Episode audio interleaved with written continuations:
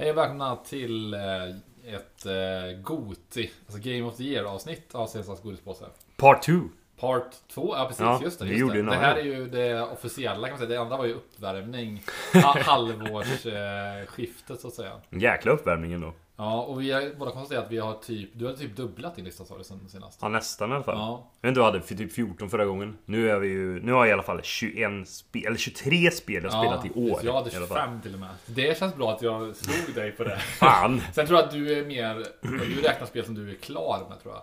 Ja, Jag räknar ju spel som jag, om jag spelar tillräckligt mycket men vet, att, om jag har spelat fem timmar och spelat i åtta timmar och jag, jag har tröttnat där, då räknar jag ändå. ja, jag har ju någon jäkla mm, psykos att jag måste spela färdigt spel. I princip. Ja, men jag, Ja. jag, Jag blir inte nöjd med mig själv Nej. om jag avslutar ett spel jag blir innan. inte det heller, men jag försöker gå ifrån det medvetet nu för att jag Även det här med att försöka göra allt i spel. För jag, nu är det omvänt förhållande till när man var liten. När man var liten var det så här, då vill man mjölka ur varenda timme i spelet för att man hade, alltså du kunde bara köpa ett spel då och då. Men nu har man ju Game Pass och allt sånt där så att nu har man ju istället för mycket spel. Mm. Nu måste man istället liksom välja sin tid.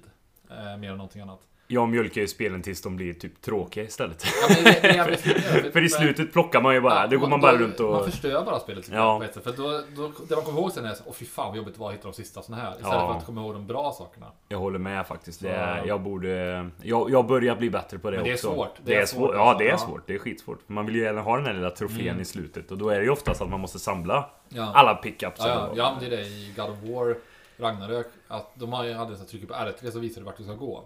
Ja. Den använde jag för att veta vart jag inte skulle gå. För då ville, ja, men det var Mm. två vägar liksom. Då vet jag att trycker R3 då kommer den peka åt det hållet storyn vill ta mig. ja. Då gick jag åt Smart. andra hållet. För att jag ville upptäcka allt. Det var ju smart. Ja, men... Eh, har ni tänkt på. s- Smart men eh, fel, felanvänt kanske då. Eh, och så, men vi, vi kommer inte gå igenom alla de här eh, spelarna. utan Nej. Vi, vi kommer köra lite så här rappare tempo i början och sen när vi kommer ner på topp 10 då kommer vi börja eh, gå Snacka lite. lite djupare i det då. Ja. Och vi kommer köra varannan. så att eh, jag utlovar här, jag har utlovat Jocke en eh, surprise tidigt i listan. Men dra dina... Dra dina... Vad hade du? 25 sa du? Ja, men jag har kokat ner till 20. Så Ja. jag har trimmat. Och du vet, det är ett vilket jävla år. Man Men- får trimma ner ja. till 20. Otroligt ja. Ja. Men så- dra dina 20 till 15 Ja, bara. okej, tju, okej, tju. då kommer de här då. Halls of Torment. Ja. Eh, 20, plats nummer 20. Plats nummer 19. Cassette Beast. Det här Pokémon-inspirerade spelet. Ja. Of Torment är ju en, vi kan väl säga, det är en Vampire Survivor-klon. Ja. 18. Pizza Tower. Jo, där kom den. spel, men det, vore, alltså, det är sjukt att det inte kan vara högre. Men Den det, trodde jag skulle vara ja, högre Ja, faktiskt. det är svinbra. Men det är tuff konkurrens. Eh, 17. Wild Frost. Kortspel, ingen för dig Jocke. Eh, men det är kanon. Nummer 16. Här kommer stora överraskningen då. Zelda Tears of the Kingdom. Oj! Ja. Ja, så där. Tänk dig liksom att Zelda Den är är på 16:e plats, plats. nummer 16. Wow. Ja, det är Ja. sjukt. Och den som eh, slår eh, liksom eh, bort Zelda från topp 15 placeringen. Jag ska stanna där i och för sig. Ja, stanna där. Stannar, Okej, Mm. ja, ja. Nu har jag... Nej, jag har två spel egentligen som jag slängde in igår som jag inte kan, behöver ha med egentligen. Alright. Så jag tar från 21. Jag har ett, ett det sämsta spelet i år. Dead Okej. Island 2. Det gillar du Ja, inte? nej det pratade jag om förra gången också. Ja, just det, just det. Ja, Eh, 20. Wolong Fallen, Fallen Dynasty. just det. Eh, nummer 19. The Last Case of Benedict Fox. Ja, det, gillar du det? Jag tyckte det var liksom... Alltså jävla dålig kontroll och... Ja, ja. Men de patchade det sen Okej, i slutet. Ja, för jag spelade för tidigt kanske. Så ja, det gjorde, jag spelade också för tidigt. Hade jag bara väntat en vecka typ, Ja. då hade allting varit mycket smidigare. Men det blev... Jag tyckte ändå typ Metrovania-biten var jag rätt tycker- så ja, bra Det såg faktiskt. jävligt lovande ut Mm. tycker jag. Så jag var sugen på det, men... Ja. Sen kommer två stycken eh, Vampire Survivors-kloner. Första är Brotato på 18. Sen kommer House of Torment. ja, just det. Sen kommer Starfield på 16. Oj, också kontrovers. Ja. Alltså, jag tänker att då är det både... Kanske de två största, bland de två största spelen i år. Mm. Zelda, Tears of the Kingdom och Starfield. Eh, och båda... Inte, inte ens topp 10. nej, Nej. det är sjukt. Och sen 15 är Hi-Fi Rush. Ja, det Mm. var med på min... eh, Det var nog min plats nummer 21. Mm. Det är ju bra, men... eh, Men nu gick du in på 15. Vi ska bara göra... Ja, du gick lite längre. Ja men jag, jag kör Ja, då. skitsamma, skitsamma. Jag är kör då. Ja, men då börjar du. Nej, men då, då har du gjort 15. Då är det min nummer 15 då. Mm. Min nummer 15 är... eh, Goodbye Volcano High. Ja just det, här det som släpptes nyligen. Ja, det här dinosauriespelet med tonårsdinosaurier som... Jag pratade om det i förra avsnittet av Stenens Godispåse som inte har släppts än när vi spelar in det här, men kommer släppas typ idag. Eh, så jag behöver inte prata för mycket om det nu. Men det, det var kanon verkligen. Svinbra Vad musik. är det? Vad är det? Vad gör Ja, men jag kan man? förklara lite då. ja, men det, det är ju alltså ett eh, väldigt storydrivet spel. Det enda gameplayet egentligen är att välja dialog och spela små musikminispel. Så du kan typ så här. Eh, huvudkaraktären spelar i ett band. Hon är en dinosaurie då som alla i den här världen. Mm. Och hon har typ kommit tillbaka från ett sommarlov. Och eh, har liksom vuxit ifrån sina kompisar lite. Eller de har vuxit åt olika håll då. Så att vissa kompisar de är mer intresserade av andra saker än vad de var innan sommarlovet. Det kan gå så fort i den åldern liksom. Men hon är ju väldigt inne på sitt band då. Eller deras band. Så att alla, alla, alla spelmoment egentligen är att man spelar olika låtar som det här bandet har gjort. Då, i olika, man är dels är man på någon klubb där de ska uppträda. Och sen är man med i en musiktävling och då spelar man liksom Guitar Hero-liknande minispel. Mm. Eh, men det som är coolt är att storyn i sig är så jävla unik. Eller den är inte unik egentligen, den är bara unik för att den är... I spel är den ovanlig. Alltså det är så här eh, coming of age story med de här dinosaurierna som eh, eh, har en met- meteorit som är på väg mot jorden. Och eh, det blir liksom eh, alla dinosaurier på, eh, reagerar olika på det. Vissa är liksom såhär, ja men hur stor chans är det att den träffar jorden då? Det är, skit i den. Ah. Och andra är såhär, jag, kan inte producera någonting annat för att tänk om det här händer. Så att man ser hur alla, alla elever liksom, eh, reagerar olika på det här hotet. Och samtidigt så pågår liksom en sån här tonårsproblem som är typ Ja men börjar min bästa kompis få en ny bästa kompis? Eller börjar Det verkar inte som att de tycker bandet är lika viktigt som jag tycker att det är. Alltså det är sån här typer av Mm. Så det är inte liksom så här, nu ska vi rädda jorden från den här dumma skurken. Utan det är väldigt små problem. Men så har man den här meteoriten i bakgrunden. Eller meteoren. Så att, eh, ja men jag pangspel verkligen. Goodbye Volcano High. Alright. Det låter ingenting för mig. Kan jag Nej, säga. det är Nej. Men det- Jag ser bara dialogrutorna liksom. Och Ja, så mycket- sticker upp en figur och så en figur på andra sidan. Och Ja så men det är de. ja. så ja. ja. Alright. ja. Ja, jag kör vidare direkt. Ja. Lite mer rappt i början Så som nummer sagt. 14 va? Nummer 14. Ja. The Bookwalker, Thief of Tales. Just det, det var det den. ja. ja. Det har jag snackat om innan så jag behöver inte gå in så mycket på det. Men eh, man eh, spelar ju som en författare i en värld där Där de flesta är författare, verkar det som. Det är lite luddigt där. Men eh, de här författarna kan då sen eh, slänga sig in i sin bok. Okej. Så att ja. de kan vandra runt i böcker och därav då eh, ta med sig föremål ut ur boken. Så Ja, okej. skriver Ja. du in ett ganska kraftigt föremål Ja. i en bok så kan du sen ta med det. Och så ska man... Eh, och då jobbar man för någon maffiaboss Ja, tydligen. ja. Som vill sälja de här vidare eller någonting. Och sen får man göra lite olika val. Hur man vill, om man vill ta med sig eller om man vill kanske rädda någon karaktär i boken eller någonting. För man avtjänar samtidigt ett straff den man är. Som gör att... Eh, som visar sig senare sen i storyn vad man har gjort. Ja. Men det är någonting man lider utav Ja, okej. innan ännu då. Och spelet är typ ett, eh, alltså det är ett isometriskt eh, rollspelsperspektiv? Eller Ja, vad är det liksom? ja, Precis, så du ser ovanifrån, du går in i ett nytt rum, då försvinner liksom alla andra rum runt omkring och du ser bara det. Och så kan du plocka upp olika föremål som du sen kan kombinera med andra. Eller om du går fram och pratar med en person Ja. så får du ju en dialogruta. och så Och gameplayet är typ som Disco Elysium? Eller vad är det Ja, liksom? det skulle ja. väldigt långsamt Ja. dock. Det Ja. går inte ens jämföra med djupet i Disco Nej, det Elysium. kan Nej, inte- nej. så det är väldigt Ja. lätt så liksom på ytan. Du kan, Men, inte eh, jämföra, du kan inte jämföra något spel med Disco Elysium nästan. Nej, det går Men inte. Det, är- det är så, det är svårt. men eh, ja, det, det hamnar i alla fall på en 14. Ja. Okej, ni- min nummer 14 då. Sea of Stars. Eh, det här...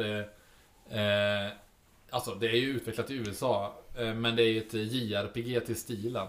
Alltså ett japanskt rollspel. Och det är eh, inspirerat av Super Nintendo JRPG. Som, alltså det är väl en mix mellan eh, Chrono Trigger och Secret of Mana ungefär liksom i, i, i stilen. Ja, ser supersnyggt ut. Ja, det är Mm. verkligen extremt snyggt. Eh, men det det tappar lite på, alltså det har en väldigt stark öppning och så här, men sen är det lite att det saknar lite det här, eh, alltså det imiterar typ de bästa spelen i genren som Chrono Trigger och, och Final Fantasy 6 och sånt där.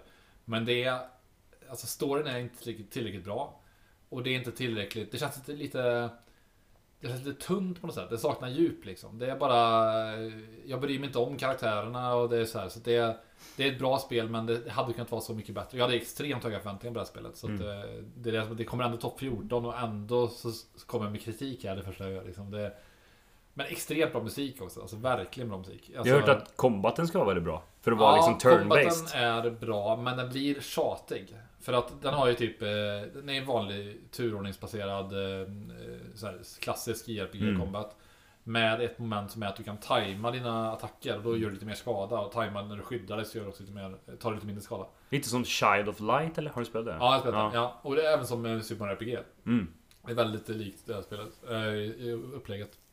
Men eh, det som förstör combaten är att det är för mycket volym av det. Du vet, det är så här, Mm. du ska gå till ett ställe och då är det 20 fighter och fighterna blir rätt tradiga efter ett tag. Det är samma, samma sak hela tiden. Och den stora utmaningen är egentligen att ja, jag borde kanske healat innan den här fighten. Alltså själva fighterna är inte svåra om du går in med fulla resurser. Mm. Men, eh, men eftersom du hela tiden måste... Man är ju slapp. Jag springer bara vidare. Jag kan inte gå in i menyn och ge mig, vet, heala mig och skit. Jag vill bara springa Mm. vidare.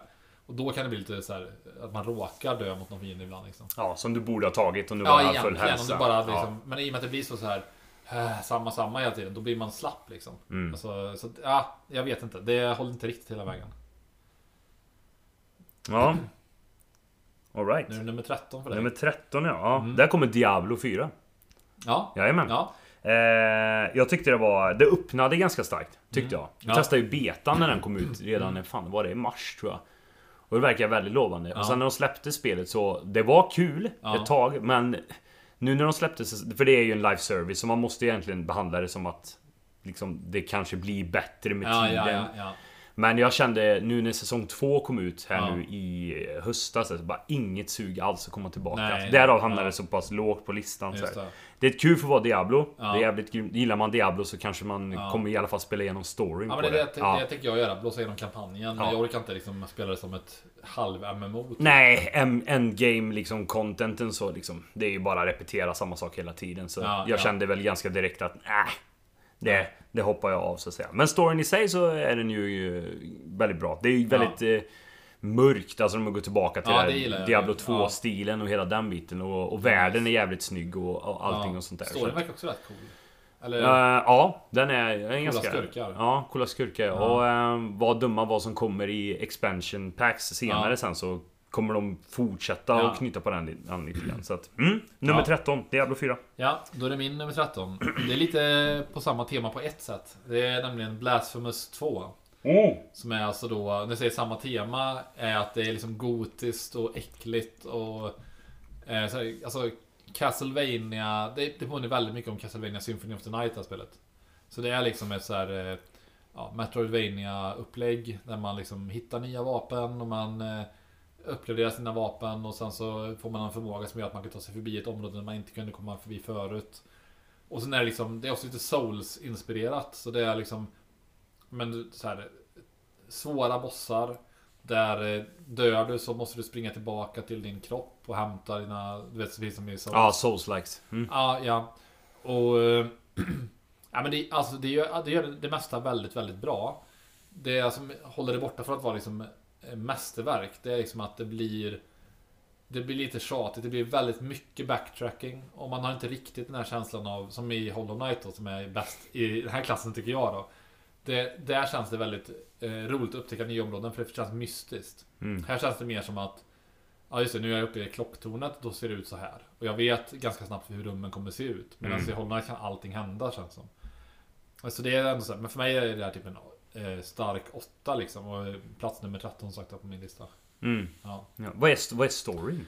Alltså sto- jag orkar inte gå in på storyn så att den är, Men den är ju väldigt eh, eh, Alltså den är väldigt biblisk i tonen liksom. det, det, det gillar jag, att den är så här, Alltså Den blir äcklig för att det är så här eh, Alltså m- Vare sig du möter på kan vara en så här Bebis med fyra armar som är så här, så här missbildade liksom bibliska figurer typ Och eh, alltså så estetiken är svincool Eh, storyn är väl liksom, alltså jag lyssnade på storyn i början, sen struntade jag i den. För den var inte så intressant. Jag vill bara, bara spela spelet liksom. Ja, en, en tydlig bild från, eh, från det första spelet när han... Ja. Eh, när man dödat till första boss. Hur han Ja. häller upp blodet i hjälmen och så bara drar på sig hjälmen. med allt blod precis. så rinner ut ja, här Det är liksom. typiskt den stilen. Alltså riktigt så här, Alltså riktigt black metal-stil. liksom. Ja, det är coolt. Ja, det är coolt. Alright, det var din nummer 13. Ja. Min nummer 12. Bramble, The Mountain King. Just det, ja, det ja. svenska utvecklade spelet. Ja. Eh, och det hörs väldigt direkt när man Ja. eh, startar spelet. Den heter ju eh, Olle. Heter Ja. ju eh, huvudpersonen man Okej. spelar då, Ja. till exempel.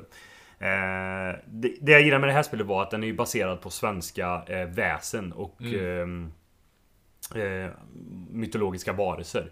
Så det var det som lockade mig från början. Sen är stilen ganska typ i form av Little Nightmares kan man säga. Ja, okej. ja. Så man springer runt och lite plattformande Ja. och lite pussel sådär. Inget svårt alls. Är det Eh, dålig kontroll? Alltså bara Eh. eh, kont- kontrollfråga eh, i två bemärkelser. Frågan är om... Den är inte... Om man, om man tänker på det här Last Case of Benedict, Do, eh, Fox, Benedict ja, Fox. ja. Det var...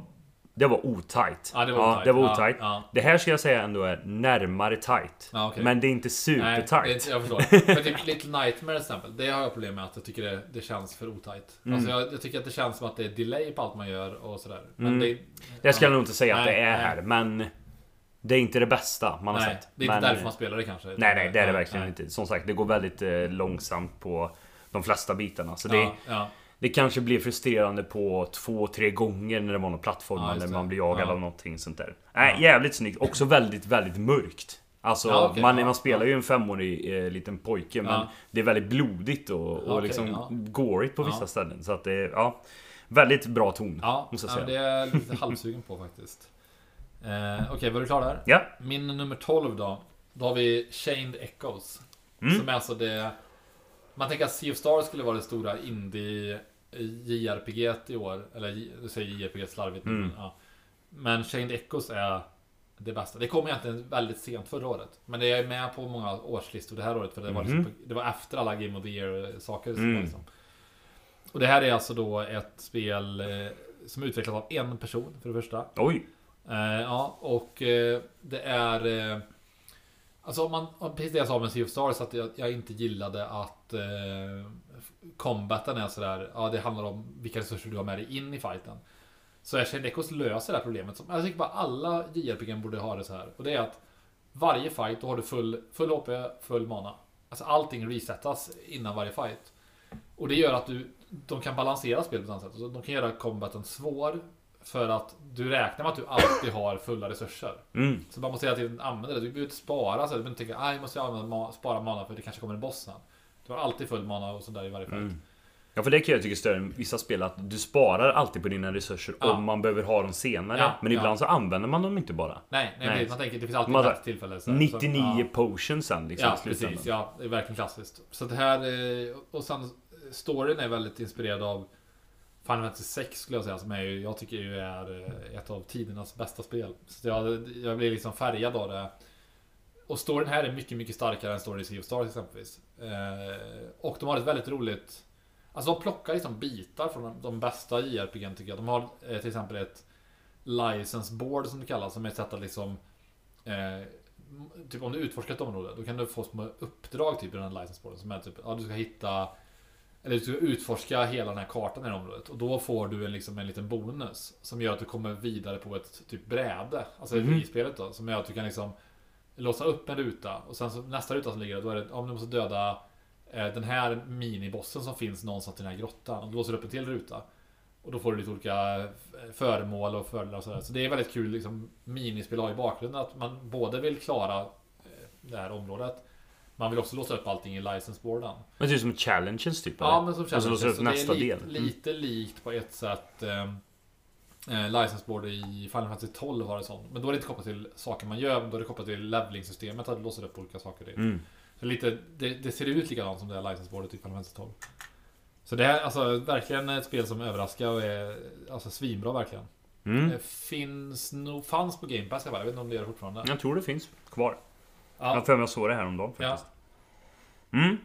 Nästa för mig, nummer Ja. 11. ja. Där kommer Hogwarts Legacy. okej. Ja, spelet som alla glömde bort känns det som. Nej, men det var ändå så pass unikt och nytt. Tyckte Ja. jag. Så det hamnar ganska långt upp, i alla fall en elfte plats. ja. Ehm, Combaten, superkul. Gillar man Harry Potter så kommer man ju tycka om det här spelet. Ja, det är ja. ju så. De har ju fångat, skulle säga Hogwarts liksom känsla. Mm. Både från filmerna och böckerna. Ganska bra. Ja.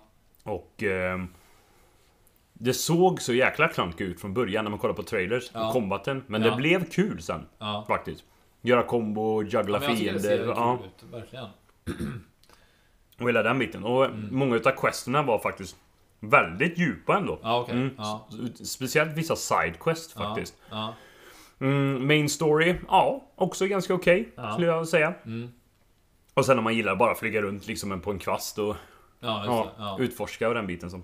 Det som det här led av var ju att jag kände aldrig riktigt att man fick eh, rewards för att utforska. Nej, okej. Man kan gå in i en grotta, Ja.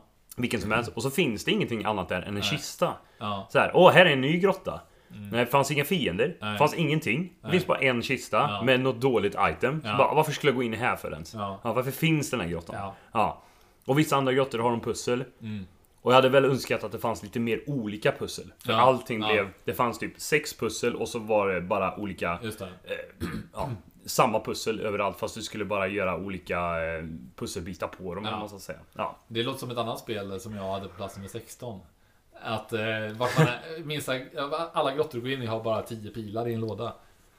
Alltså Zelda tänker jag på då. Ja, alltså, Zelda. Det, alltså, det är aldrig, aldrig någonting värt att hitta någonstans. Nej. Det är bara 10 pilar överallt. Det, ja, ja, det kanske känns... li- Ja, det Ja. skulle nog faktiskt hålla med det lite grann på Ja. ett sätt. Kan jag Ja. göra faktiskt. Inte fullt då. Nej, inte Nej. fullt. Okej, min plats nummer 11 då. Då har vi Super Mario Brothers Wonder. Jo, där kom Ja. den. Ja, och det, alltså det här är ett spel som jag var lite hård mot på ett sätt. För att jag förväntar mig ännu mer. Alltså det är väldigt, väldigt bra. Jag skulle säga att det är det näst bästa och kanske det bästa till med 2D Mario någonsin. Det är uppe där med det, det eller Mario All Stars. Nej, inte All Stars. Jo, Mario World. World, menar jag. Mm. ja. Och eh, det som är Det är lite tråkigt med det här Mario eh, Wonder är att alltså, allt är jättebra. Det är svinkul att spela. Det är väldigt snyggt och liksom färgglatt och fint och sådär. Och Alltså bra musik och jävligt tight allting. Liksom kul med det här badge-systemet som man kan liksom byta ut för att göra lite små justeringar på Mario. Men snarare några saker som jag inte gillar också. Det är att dels att att eh, egentligen så kan du bara spela som Mario eller Luigi. För alla andra karaktärer är ju easy mode karaktärer bara. Alltså typ eh, Prinsessan är väl eh, någon fördel. Och Yoshisarna eh, Eller om det är Yoshis, jo Mm. De kan inte dö. Nej men det är ju Yoshi och han... ehm, Eh, Nabbit. eh, Nabbit, ja. ja. De Mm. kan inte dö. Och då, de kan man inte spela som då. Alltså det är, eller man kan ju det, men det är jättetråkigt. Så att det blir ju... Om man jämför med 3D World som jag har spelat väldigt mycket med Sigrid. Så kan man ju spela... Alltså där finns ju mycket mer replayability. För du kan spela med olika karaktärer. Du låser upp karaktärer, du låser Mm. upp Rosalina. Det saknar jag också. Här låser du inte upp något sånt roligt. Ja, det är Nej. så här, ja, nu spelar du klart spelet och då får du Diddy Kong eller Wario eller någon sån där kul karaktär hade varit roligt. Men du får ingenting. Du får en liten medalj. Ja, vad ska man med det till liksom? Mm. Jag vill, ja, ja, men, så här, så att, men eh, och sen tycker jag power-upsen är lite tråkiga. Mario, eh, eller Elefant-Mario, ja han är större och han kan vifta med snabeln. That's it. typ. Men alltså ändå, det är ju, det är ju hela tiden väldigt, väldigt kul att spela. Eh, och eh, jag gillar ju korta spel och det här är ett kort spel. Men det här är Mm. kanske lite för kort till och med. För att man vill ha lite, jag skulle vilja ha haft några, några världar till. Och nu har inte jag spelat sista världen som du uppmärksammar eh, någon gång. Men, Ja. eh, men ja, jag, ty- jag tyckte det här var grymt men jag hade hoppats på ännu lite mer. Mm. Så det är Ja. precis utanför topp 10. Vi kommer tillbaka till Ja, den sen. ja. ja. Alright, nu kommer vi in på topp 10. Ja, Ja. ja. Och där har vi plats nummer 10 då. Chance of Sonar. Just det. Det här det spelade du nyligen va? Ja, Ja. hyfsat nyligen i alla Ja. fall. Eh, I september spelade jag Ja, detta. var det så ja. länge? Ja, det var det Ja, ja, Ja. ja. Eh, jag spelar på switchen, funkar hur bra som helst. Det är Ja. perfekt för switchen Ja. egentligen. För att eh, man spelar då som en figur.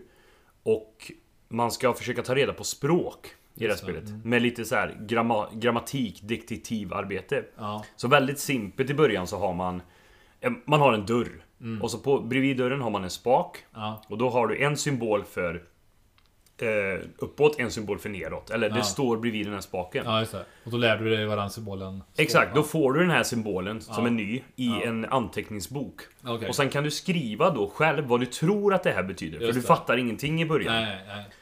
Och sen när du väl har tagit reda på, ah, okej jag tror, ja självklart. Det ena är öppen och Ja. stängd då. Ja. För den ena öppnar dörren och stänger. Det märker Ja. du med gameplayet Ja. liksom, och vad som händer. Inte helt olikt eh, instruktionsboken i Tunic lite. Med, med, Ja, alltså, eh, med precis. just här, man får tolka ikoner och så vidare. Ja, och jag tycker ju verkligen om pusselspel. Alltså Ja, pusselspel tillsammans med gameplay, precis som Tunic var. Ja. Det är typ min, det är min stick liksom. Ja, det, det. jag älskar Ja. skiten.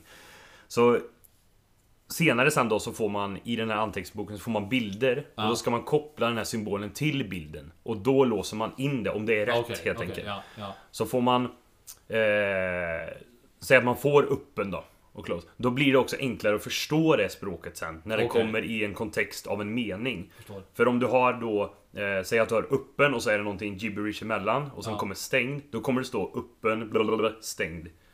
Men får du de orden emellan också, då blir det en liksom komplett mening som du fattar mycket smidigare. Mm. Ja. Och sen är det lite olika språk resten Ja. i, i det här tornet som man ska upp för då. ja.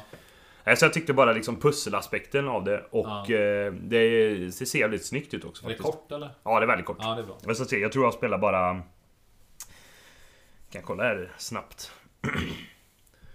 Vad det tog. Väldigt kort tror Ja, jag. för det känns som ett sånt där spel behöver vara rätt så kort. Så man inte blir mätt på mekaniken. Eh, nio timmar. Ja, det Ja. var ju ganska långt ändå skulle jag säga. Ja. Men, ja, men ja, ja, ja. Men det är hanterbart. Kanske jag spelar. De har Eh, plats nummer nio. Nej, tio menar jag. tio, ja Förlåt. just det. Mm. Okej, här är min nummer 10. Den var högre upp i halvårsskiftet måste jag säga. Men jag har flyttat runt lite för jag har tänkt på de här spelen efteråt. Och det är då nummer 10, eh, Dave the Diver. Oj, det kommer så högt! Ja, Eh, Ja, så, ja, precis, så, så, ja precis. På ja. nummer tio. Ja, precis. Och det är för att Alltså första halvan av Dave Diver tycker jag är jätte, jättebra. Mm. Sen tycker jag det blir ganska tjatigt. Mhm. Ja, men alltså det, jag tycker att det blir, man, för det är ens eget fel lite, att man kan inte bara dyka och göra uppgiften. Jag måste alltid maxa. Så jag måste, Ja. När jag dyker så måste jag fånga så mycket fisk jag får plats med. Jag håller med. Och sen upp. Och det gör att man tröttnar på spelet lite grann för att man Jag kan inte sluta göra det. Jag måste hela tiden liksom eh, minmaxa. Eh, och storyn hade behövt vara kanske 10 timmar kortare. Eh, Tycker jag. Ja. Så det hade varit perfekt om det var 15 timmar. Nu är det ju kanske 30 timmar, typ 25-30 timmar något sånt där. Och det tycker jag är mycket, lite väl mycket. Alltså, man blir lite... Jag kände, mig, jag kände så här, nu måste det ta slut snart. Alltså, för allt i spelet är väldigt kul. Alltså, det är ju ett väldigt unikt spel så att liksom det kombinerar så många olika saker. Som Mm. Fiska och då är det lite, alltså när du dyker och fiskar då är det lite bossfighter och sånt där också. Ja. Som är, så upptäcker du en helt annan civilisation. Det är ju ingen spoiler, det jättetidigt. Och du eh, Sen driver du sushi-restaurangen på kvällarna och det är ju kul det. Och anställer folk och sådär och får det att växa. Det är också kul. Men restaurangmanagement-systemet Ja, är ju väldigt, precis. Det är- ganska djupt ändå. Ja, ganska djupt verkligen. Och så har du hela den här, det är, det är ett spel som är Alltså det är ju Det har så otroligt mycket content. Du har hela den här liksom mobilen med alla appar. Mm. Det, är, det är hur mycket som helst. Mm. Och du har ett Instagram-konto typ eller motsvarande. Där folk likar, lägger ut bilder. Alltså, det tar aldrig slut. Så det är en massa minispel på det också. Mm. Så det är otroligt välfyllt liksom. Men, eh, nej, så att, jättebra spel men i slutet av spelet kände jag ändå så här. Nej, nu vill jag bara att det tar, tar slut. Mm. Så att eh, det drar ner lite grann. Det blir aldrig en bra känsla när man börjar komma Nej. till den punkten och bara ah, Sen måste jag också säga att eh, animationerna och alla mellansekvenser är otroliga. Ja, de är är, grymma. Det är bland det bästa jag någonsin sett. Alltså. De, är, de är så himla... Charmiga. Många gånger när jag spelar, spelar på Steam Deck. Många gånger så var jag tvungen att liksom springa med Steam Decken typ till Maria. Bara, kolla, kolla, kolla här, kolla här. Vill visa henne för att det är så, jä, det är så jävla roliga grejer. Ja. ja. Förstår man också anime-troper, Ja, då, då blir det, är ännu, ännu roligare. Verkligen. Så ja. att, ja, pannspel. Verkligen. Nummer 10. Nummer 10, Dave the Diver. Vi kommer tillbaka till det sen. Ja. Igen, ja. Nummer 9 för mig, Super Mario Bros Wonder. Ja, där kom den. Ja, där kom den. Eh, jag tyckte det här var eh, superroligt att spela. Ja, och jag, ja. jag baserar mycket på hur kul det är oftast Ja, med spel. ja. Inte hur länge jag har spelat Nej, någonting nej, eller så nej. Men jag tyckte det var jävligt roligt. Lite kanske för lätt. På, på vissa punkter. Men sen när man kommer till då de sista banorna, då blir det en mer utmaning. så Men så, precis som du sa förut, roligt med badge-systemet. Ser otroligt bra ut. Eh, älskar musiken i Ja. vissa utav banorna. Speciellt när man får en, en bana som är väldigt tidig, när man får alla de här ja Eh, eh, blommorna. blommorna ja, börjar ja. liksom sjunga med. Så här, Ja. Ja, ja, det är grymt. Det är så, här, det är så jävla roligt att lyssna på. verkligen. Det är riktigt, riktigt kul. Så, eh, och just eh, överraskningen på de här Wonder Seedsen. Men jag Ja. kan hålla med om att det skulle kanske vara lite... Ja, det skulle bli lite mer flippat på Ja. vissa ställen. Nu är de... Jag tycker de, De gör ett väldigt bra jobb ja, nu precis, också så här. Nintendo alltså. Men... För de kan ju... De, de överraskar ju, men... Mm. Jag tycker nog ändå Super Mario Bros World är bättre. Ja, Faktiskt. det, det har mer en känsla tycker jag av att det är en, en sån mystisk värld. Precis. Och där kan du hitta hemligheter också. Du kan hitta hemliga gångar, vägar. Den här eh, overworlden som du har här. Där du får springa runt själv. Ja. Det tar bort lite Du utav... hade lika gärna kunnat välja banor i meny. Alltså tycker jag i det här Ja. Det, det eller- tillför ingenting. Det jag tycker är kul Ja. i, Super Mario Bros World Super Mario World, eller vad heter det? Ja, Super? Mario World, ja. Det är att om du tar en hemlig eh, En hemlig gång eller en Ja. hemligt, ett hemligt mål Då liksom fylls det ut på sen overworlden Ja, Jaha, nu kan jag ja. gå dit! Här Ja, fanns det någonting så, Ja. så kommer man dit så kommer man till ett helt nytt ställe liksom. ja. Så lite sådana platser hade varit Ja. eh, nice Men annars Superroligt Eh. Bossfighterna, vad tyckte du om dem?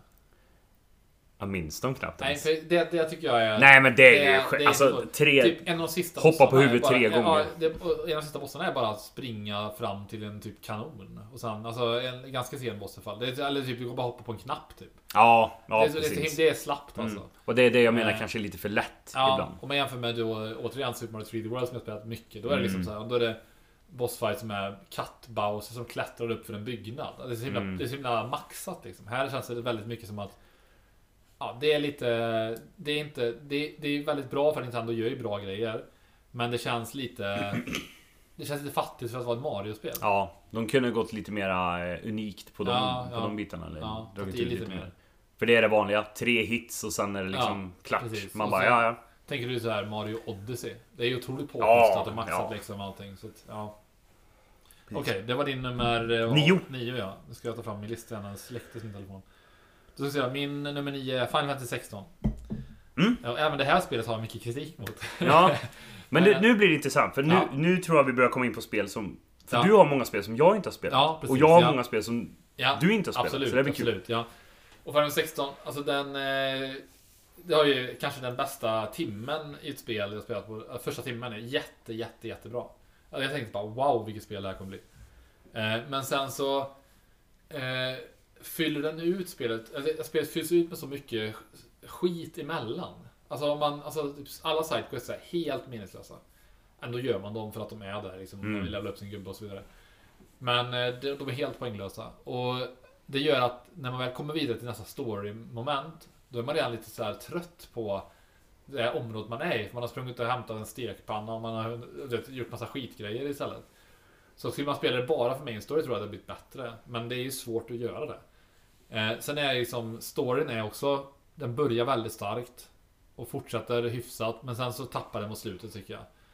Eh, Spelet är också alldeles för långt. Alltså åt helvete för långt. Eh, Är inte också halva spelet bara cutscenes eller? Ja men jag tycker inte man tänker så mycket på det ändå. Mm. För att det är mycket gameplay emellan också. Det är inte, inte så här att det är bara cutscene, cutscene, cutscene. Det är mycket gameplay emellan. Och eh, gameplayet är ju liksom... Alltså fighterna är kul. Men med ett stort problem tycker jag. Det är att efter ett tag får man så mycket... För fighterna är ganska lika typ God of War. Att du har liksom så här olika... Eh, för där skift, i God of War skiftar man mellan tre vapen. Mm. Här skiftar man mellan olika Acons som de heter, som är liksom olika krafter. Typ. Så du kan ha, och då kan du skippa det. Du kan skippa att du har Ja men nu har jag Titan-kraften. Mm. Då kan jag liksom använda abilities från den här eh, stora monstret som är, heter Titan då. Jag tänkte på Acon-artisten. Ja, Acon, ja precis. Comic music. Ja.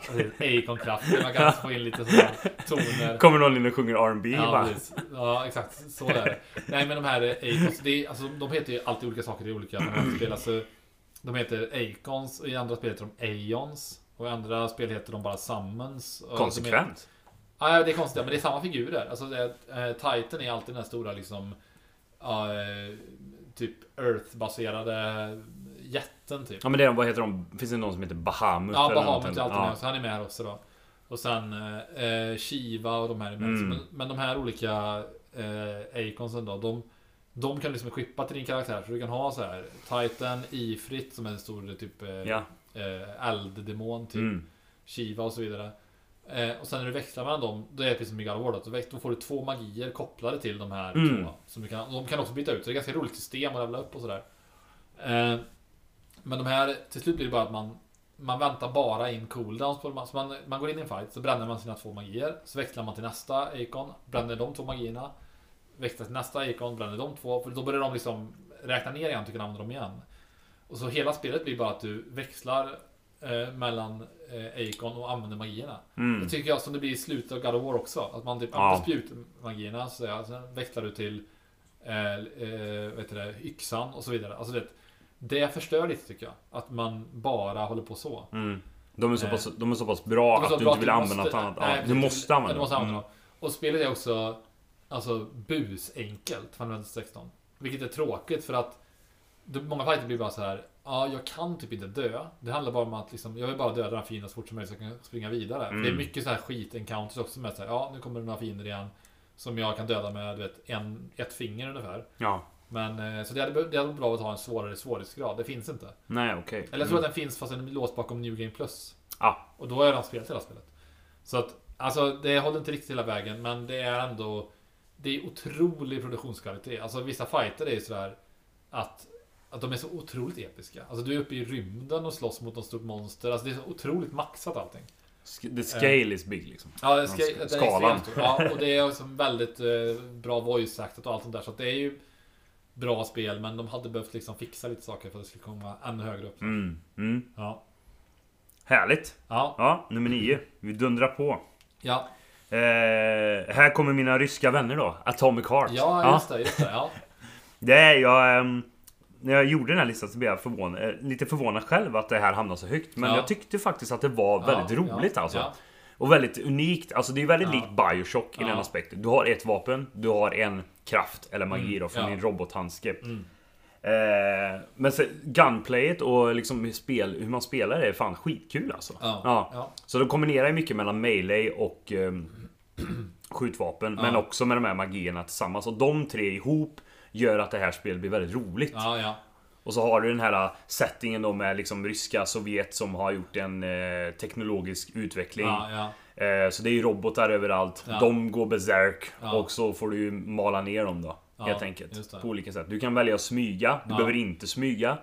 Eh, du kan uppgradera dina vapen, växla olika delar i vapnet som Ja. gör att de får olika effekter. Du kan välja Mm. från chock eller fire eller Ja. bara vanliga eh, ballistics liksom. Eh, du kan också köra med olika förmågor som gör att Ja. det, så det finns väldigt många olika sätt du kan spela på helt enkelt som är kul. Är storyn bra? Tycker du? Storyn är väldigt det är eh, cool förutsägbar miljö, liksom. skulle Ja. jag nog säga. Eh, från början. Ja. Men eh, den överraskar också. det gör den faktiskt.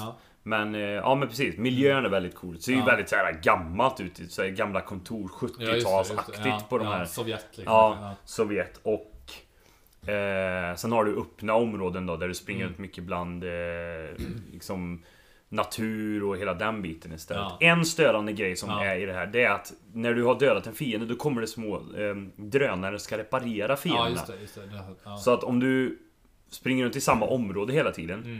så måste du hela tiden stöta på samma Just det, fiende. ja. Så att du kan liksom inte aldrig bara lämna i fred. Utan- ett område sen bara komma... Nej, fast jag tror det är till också för att du inte ska stanna i samma område för länge Okej, heller. ja. Utan att du Ja. måste gå vidare. Mm. Vilket ändå är så här, det är ju en bra grej. Det det. Men det kan kännas lite störande om man inte är van vid det. Eh, nej, så jag tyckte det var eh, riktigt bra. Plats nummer åtta. Ja, Mm. snyggt. Eh, det kommer jag spela någon gång tror jag. Eh, min plats nummer åtta då. Eh, Against the Storm.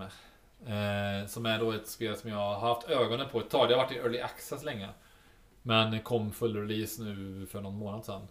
Och det är alltså ett eh, roguelike city builder. Är- Ah, ja, nu fattar jag vad jag hört Ja. Ja. ja, och det, det som är... Alltså det här är, liknar typ inget annat spel jag spelat. Det är... Ehm, alltså upplägget är ungefär så här att det är en setting som är... Dels regnar det hela tiden. Man är ute i någon, någon mörk skog liksom eh, utspelar det sig. Och sen så regnar det. Jag tror att de kallat genren för rain punk. Det är som, och det grafiska är liksom ungefär som Warcraft 3. Alltså du vet så här, överdrivna färger. Ja. Det är stora, tydliga karaktärer liksom sådär. Och sen så eh, ska du då bygga liksom en eh, Ja, en liten civilisation kan man säga. Och sen ska du, målet är liksom du ska ut För den här, du är i en liten glänta i skogen börjar du liksom i. Och sen så kan du då ha olika typer av eh, arbetare. Då, då är det till exempel så att i början har du bävrar som är bra på att hugga ved. Naturligtvis då. Och sen har du människor som är bra på lite allt möjligt. Och sen har du lizard people som är typ bra på att eh, ja, smida sten och sånt där. Liksom. Mm. Eh, och eh, sen liksom i takt med att bävrarna hugger ner mer av skogen, då upptäcker du olika områden. Då kan det vara så här att här upptäcker vi en, en eh, sak som är typ, att du kan skicka in eh, villagers i det här för att undersöka, men då kan de också dö. För det kan vara, du vet, det kan vara så här eh, olika events som är farliga liksom. Det kan vara bossar och allt möjligt. som Ja, upp. okej. ja. Och du, du liksom, men du bygger liksom inte Gameplayet är liksom inte som i Age of Empires att du som styr arbetarna Du styr dem mer indirekt. Du säger här ska vi bygga en byggnad. Då går arbetare dit och bygger byggnaden. Sen kan du sätta typ, nu har jag byggt ett, eh, ett bryggeri som kan göra öl till exempel då. Eh, Då, kan, då, då, då tillägnar du typ, om du sätter jag har två människor där som jobbar med, med att eh, brygga öl då. Mm. Och sen får du bygga hus och dina, så att alla dina eh, bybor behöver ju ha hus liksom. Mm. Och då är det vissa hus som bara bävrarna gillar, andra hus som människorna gillar och så vidare. Mhm. För att tänka på det liksom. Och sen så när du uppfyllt tillräckligt många liksom, orders som du får då. Då liksom, klarar du den här banan. Mm. Eh, och när du klarat banan då, då kommer du till ett läge då, då har du liksom en world map där du får gå till nästa del av world mappen. Ja, utforskar då. Så det blir väldigt mycket som, och sen får du permanenta uppgraderingar som är klassiska roguelikes. så Att du, Och så men börjar du om sen när du kommer Ja, då börjar du om nästa till del? nytt ställe. Då börjar du från början då. Men, men du har med dig de här uppgraderingarna du har Mm. gjort. Du kanske låser upp nya byggnader och sånt där som du eh, låste upp förra rundan och sådär. Och kommer det nya typ hot och hinder på Ja, det, vägen det. någonstans ja, istället? det blir ju Ja. svårare och svårare hela tiden liksom. Och så, Ja. eh, så att jag tycker att det de har lyckats med att de har gjort så här. För jag tycker ofta att den typen av spel är jätteroliga första 20 minuterna. Alltså SimCity, det är jättekul att bygga där i början. Men sen när du har en jättestor stad, då tycker jag bara det, det känns bara som ett jobb. Mm. Bara, det går, ah, du måste dra in vatten till de här nya husen också. Ja. Du vet, det, blir, det är bara krångligt tycker jag. Det, det roligaste är i början. Så att det här har de liksom gjort det. Det här är bara början av eh, de här spelen liksom. Och sen Eh, om och om igen och sen om om igen, ja. Det Ja. låter Ja, rätt ja, intressant. det, det, jag har det, inte så det mycket sitter från ju på det. så här 93 på Metacritic eller någonting. Sitter jätte, det har jättebra kritik alltså. Eh, enda nackdelen för mig då att spela är att jag spelar nästan alltid PC-spel på Steam Deck. Och det här spelet är inte perfekt för Steam Deck. För det, är liksom så, det blir väldigt litet och plottrigt. Då. Det är väldigt Mm. mycket liksom, eh, saker att sätta sig in i. Så att jag skulle börja ge det ännu mer tid på min dator. Då tror jag det hade klättrat upp några positioner till faktiskt. Mm. Ja, så det var min nummer eh, åtta, Against the Storm. Ja, det låter intressant ändå. Ja. Kanske kollar in det. Jag gör det. Eh, min nummer sju då. Ja, Det är ju då Dave the Diver.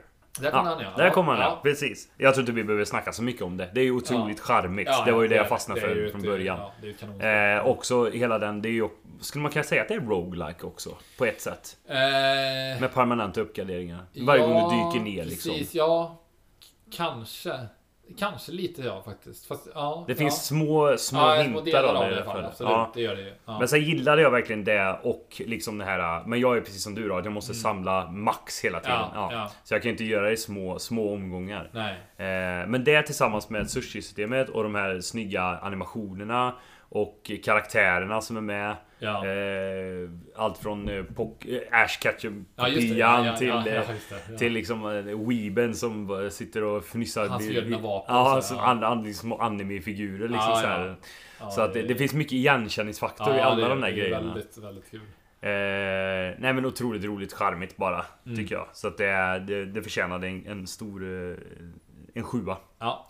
Mer behöver vi inte säga precis. En faktiskt. sjua som är plats nummer sju. Ja, precis. Ja, precis. En Plats nummer sju. Okej, så är det min plats nummer sju då. Mm. Då har vi, det här eh, var lägre än jag förra gången. Men det har klättrat nu. Mhm. Och det är Dredge. Ja. Det andra fiskespelet från i år kan man De säga. gick ju ihop här nu. Ja, jag vet. Jag Ja. vet. Det var väldigt roligt. De gjorde ja, en co- collab. Eh, men Dredge är alltså då ett eh, spel där du... Ja, men det är så här Lovecraft setting typ. Att det finns eh, olika typer av liksom twistade monster eh, i haven liksom. Ju, och du har också en sån här insanity meter typ som är att ju längre du är vaken desto mer knäpp blir din karaktär. Och man börjar inbilla sig saker. Så när du är ute och seglar på haven så kan det helt plötsligt dyka upp en klippa precis framför dig som inte var där innan. För att du har blivit liksom galen din karaktär. Och sen det- är det ganska storydrivet så du träffar en eh, man tidigt som kallar sig för The Collector som du kan hämta olika föremål åt. Och sen finns det ju massa story kopplat till de här föremålen och sådär då. Ehm, och eh, alltså stilen är så jäkla cool. Eh, jag älskar det här liksom mystiska i att du hittar så här muterade fiskar och stora havsmonster kan dyka på dig och sådär. Eh, och sp- spelmässigt så, så åker du runt med din båt. Du samlar fisk, säljer fisken, uppgraderar ditt skepp för att kunna ta dig längre ut på havet. Eh, och sådana saker då. Så jag tyckte det här spelet eh, var liksom Men det var perfekt längd. Det kanske var åtta timmar och sånt där. Det var väldigt eh, tight hela vägen. Alltså inte tjatigt på något sätt. Alltså riktigt, riktigt eh, bra bara. Verkligen en sån eh, eh, Ett spel som jag tänkt mycket på efteråt. Det är därför det har klättrat liksom. För det har vuxit på mig över tid. Medan andra spel har, har blivit sämre med tiden på något sätt. Mm. Ja, så det var min nummer sju då. Dredge. Härligt. Ja. Jag kommer komma till det. Eller jag kommer inte komma till listan men jag kommer Nej. spela det Ja, ja, också Det någon gång. Eh, min nummer sex. Här kommer Legend of Zelda. Tears of the Kingdom. Ändå lågt alltså man tänker för att du och. Zelda-spel. Men Ja. ja. Det, det kom på den platsen. Ja. ehm, av den anledningen till att det är... Det är för mycket av det första. Ja, det är för mycket av det första. Det blev för mycket av det första. I eftertanke. Jag, jag vet inte om du har pratat om det mycket på podden också men Innan ett spel kommer, då har man en tanke om spelet. En, en liksom så här, en hype. Sen när spelet ja. kommer spelar det. Och sen när man är klar har man en tanke. Ja, Men sen så kan det bli efteråt Ja. att man säger Shit det här tänkte jag inte på förut men det Nej, stämmer. precis. Så det kanske blir lite influerad av man kollar på youtubers och alla så här. Men Ja. på något sätt så blir det en diskussion med en själv att så här, ja, Ja. okej det här stämmer faktiskt ändå Ja, på de här spelen. Så. Starfield till exempel. Tyckte det var otroligt kul att spela men sen efteråt så här bara Fan det är rätt mycket laddni- laddtider alltså. Bara ja. färdas runt. Rätt tråkigt ändå. Och det kommer upp samma sak. Så det var därför det hamnade så lågt ner sen till slut. ja. Eh, så att ja. Ja, för mycket, för mycket Argana, men ändå så pass Ja, bra ja. att det, det blev en, en plats nummer sex, tycker Ja. jag ändå. Så att... Eh, jag tror, behöver inte säga så mycket Nej, om det jag, jag spelet. väl bara säga att jag, jag har pissat mycket på Tears the Mm. Kingdom. Men jag spelar ändå 57 timmar, vilket är mycket för ett spel. Så det är inte så att jag hatar Tears of the Kingdom på något sätt. Jag tycker att det är, är bra. Och det gör vissa saker väldigt bra. Men som du säger, det är väldigt samey från Breath of the Wild. Och jag spelade Breath of the Wild mycket senare än vad du gjorde. Så för mig var det inte så långt emellan. Eh, och den stora, stora saken med Zelda, det är att vissa kanske inte älskar det, men jag tyckte byggandet, jag tyckte byggandet var roligt. Och jag tyckte kände också efter ett tag så var det så här, när jag spelat 57 timmar kände jag så här. Eh, ska starta Zelda och tänkte så här. Ja, jag måste göra det här, så måste jag göra det här. Bara, Det känns bara som ett jobb. Alltså typ, och alla så här sidequest, så här, ja, nu är det någon gubbe här som ska träffa på den här gubben igen som har de här skyltarna. Mm. Ja, då är det så här, jag vet hur jag kan få skylten att stå rakt. Men så råkar jag göra en liten, liten miss. Ja, då ramlar allting som jag börjar om. Jag tycker bara så här, jag tyckte inte att det blev kul liksom. Och samma med de här Fairy Fountains. Att hitta dem, då behöver man leda de här musikanterna typ och sådär. Mm. Jag tyckte att det blev bara ett jobb att få dit dem liksom. Alltså, det blev liksom inte kul. Mm. Så det var det stora problemet jag hade med, med det. Och Breath of the Wild tyckte jag var 10 av 10. Det tyckte jag var otroligt. Så att, eh, ja. Ja, det är mycket sagt om Zelda. Ja, ett plus jag hade med spelet som jag verkligen gillar, Ja. det var eh, något som jag märkte tidigt. Det är att om man plockar någonting i... eh, Allting är öppet från början. Det vill Ja, säga att om, ja. du, om du fixar någonting som är ett quest, Ja. men du har inte plockat questet än. Kommer du sen tillbaka till killen som har questet, då är det klart direkt. direkt, Ja. Så du behöver inte göra om processen Nej. en gång till. Vilket Nej. jag kan störa mig på på många spel. ja, verkligen. Så den biten är det. Men sen som du sa att vissa saker blir ett jobb och så Ja. får du knappt någonting för dig. Jag, vet, Nej. jag plockar alla de här eh, ly- självlysande grodorna i Ja, grottorna. Ja. Alla i hela spelet. Och jag fick så jäkla kass reward för det. Ja. Liksom bara kom igen. Ja, ni skulle ja. gett mig någonting. Vad är det? Ja. 120 stycken liksom. Ja. Så här. Ja. Bara, ja, det är ju viss galenskap liksom att göra det. Men Ja, jo, hade jag fått någonting gött då, hade det varit, då hade det varit kul. Ja, ändå. men, jag ja. tycker också att, eh, fastnar lite i det ändå då, men att, alltså, jag tyckte att, eh, jämför med, med Elden Ring till exempel. De är ju inte så lika i övrigt, men båda är öppen världsspel och sådär. Så känns det som att när du går ner i ett nytt ställe i Elden Ring, då känns det väldigt spännande. Och du Ja. hittar här, du hittar Mm. kanske någon eh, loot du vill ha, eller du hittar någon konstig boss som är Mm. väldigt eh, intressant att möta. Ja, upplevelsen blir ju ändå... Om du inte looten blir bra så är ju Ja. bossen kul att Ja, precis, det möta är där alltid nere. något, och det är så här Ja. spännande alltid, liksom, vad kommer jag hitta här nere? Medan i Zelda känns det bara, du går in i en grotta, då vet du att det kommer finnas tio pilar i, i en låda. Ja. Eller det, det är så jävla svaga grejer. Ja. Och visst, det kan finnas någon boss där nere, men Combaten är inte tillräckligt bra tycker inte jag för att vad ska... Alltså med Elden Ring, där är det liksom där, då kan det vara en jättehäftig boss du möter. Här känns det aldrig så, tycker inte jag. Och jag vet inte om det är att liksom det... Alltså Elden Ring gör det här extremt bra. Så Ja. man kanske är orättvist att jämföra mot det, men ja, det känns ändå så. Eh, det var din nummer sex va? Ja. Då är det min nummer sex nu då. Och då är det Jedi Survivor. Okej. Har halkat ner lite. Mm. Eh, Men eh, det är ju ett pangspel. Det är ju ett spel som är roligt från minut ett. Att det är ett tv-spel, ett tv-spel. Mm. Det är liksom roligt från minut ett. Det är liksom välproducerat, allting är så här skitsnyggt. Det känns gött att spela, det är roligt hela tiden. De har, det finns humor i spelet som är väldigt roligt, som till exempel när han, den här han, Dave the Door Technician och sånt där liksom som är Ja. jätterolig grej. Liksom, som är, man, bara utan spoiler kan man förklara att man har varit igenom en, ett parti av spelet som är väldigt intensivt. Så det har Mm. varit mycket svåra fiender och sånt där. Och Man är rätt låg på resurser när man kommer dit. Och helt plötsligt kommer du till stället och då kommer det bara en stor sån här boss health bar över hela skärmen. Yeah. Man bara nej va? Jag har inte kunnat eh, resta på jättelänge, jag har inga resurser kvar. Och sen är det bara världens pushover. alltså verkligen, de dör på en sekund verkligen. Så det är liksom, eh, de bara fintar en.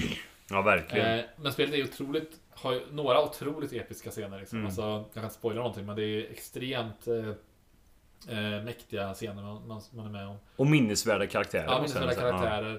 Det som jag drar ner lite för mig i slutet då, som jag, det är att jag tycker att sista två timmarna av spelet inte är bra. Mm. Jag tycker att eh, den twisten som kommer inte är bra. Och jag tycker att den slutbossen som det medför sig är underwhelming. Alltså den är ju svår bossen, så, så tycker jag, slutbossen. Men jag tycker att den är... Ja, jag tycker det är för svagt. Mm. Alltså, medan, medan första spelet har otroligt starkt slut. Mm. Så tycker jag att det tappar dem lite här. Men det är väl det enda jag har att klaga på. Alltså, det är så jäkla... Det här Det- är som spel man spelar klart. Jag längtar direkt till nästa spel. För att det är nästan inga andra spel som nailar att vara... Det är jättebra combat. Det är jättekul plattformande. Mm. Det är liksom kul kombinationer. Det känns som att man, som att man spelar typ Hollow Knight. Du Mm. dubbelhoppar och sen dashar du i luften. Ja. Och sen gör du det här. Metroidvania-aspekten Ja, också. Metroidvania-aspekten liksom i ett 3D-format. Format. Eller formatet. Det, det, det finns typ inte alltså.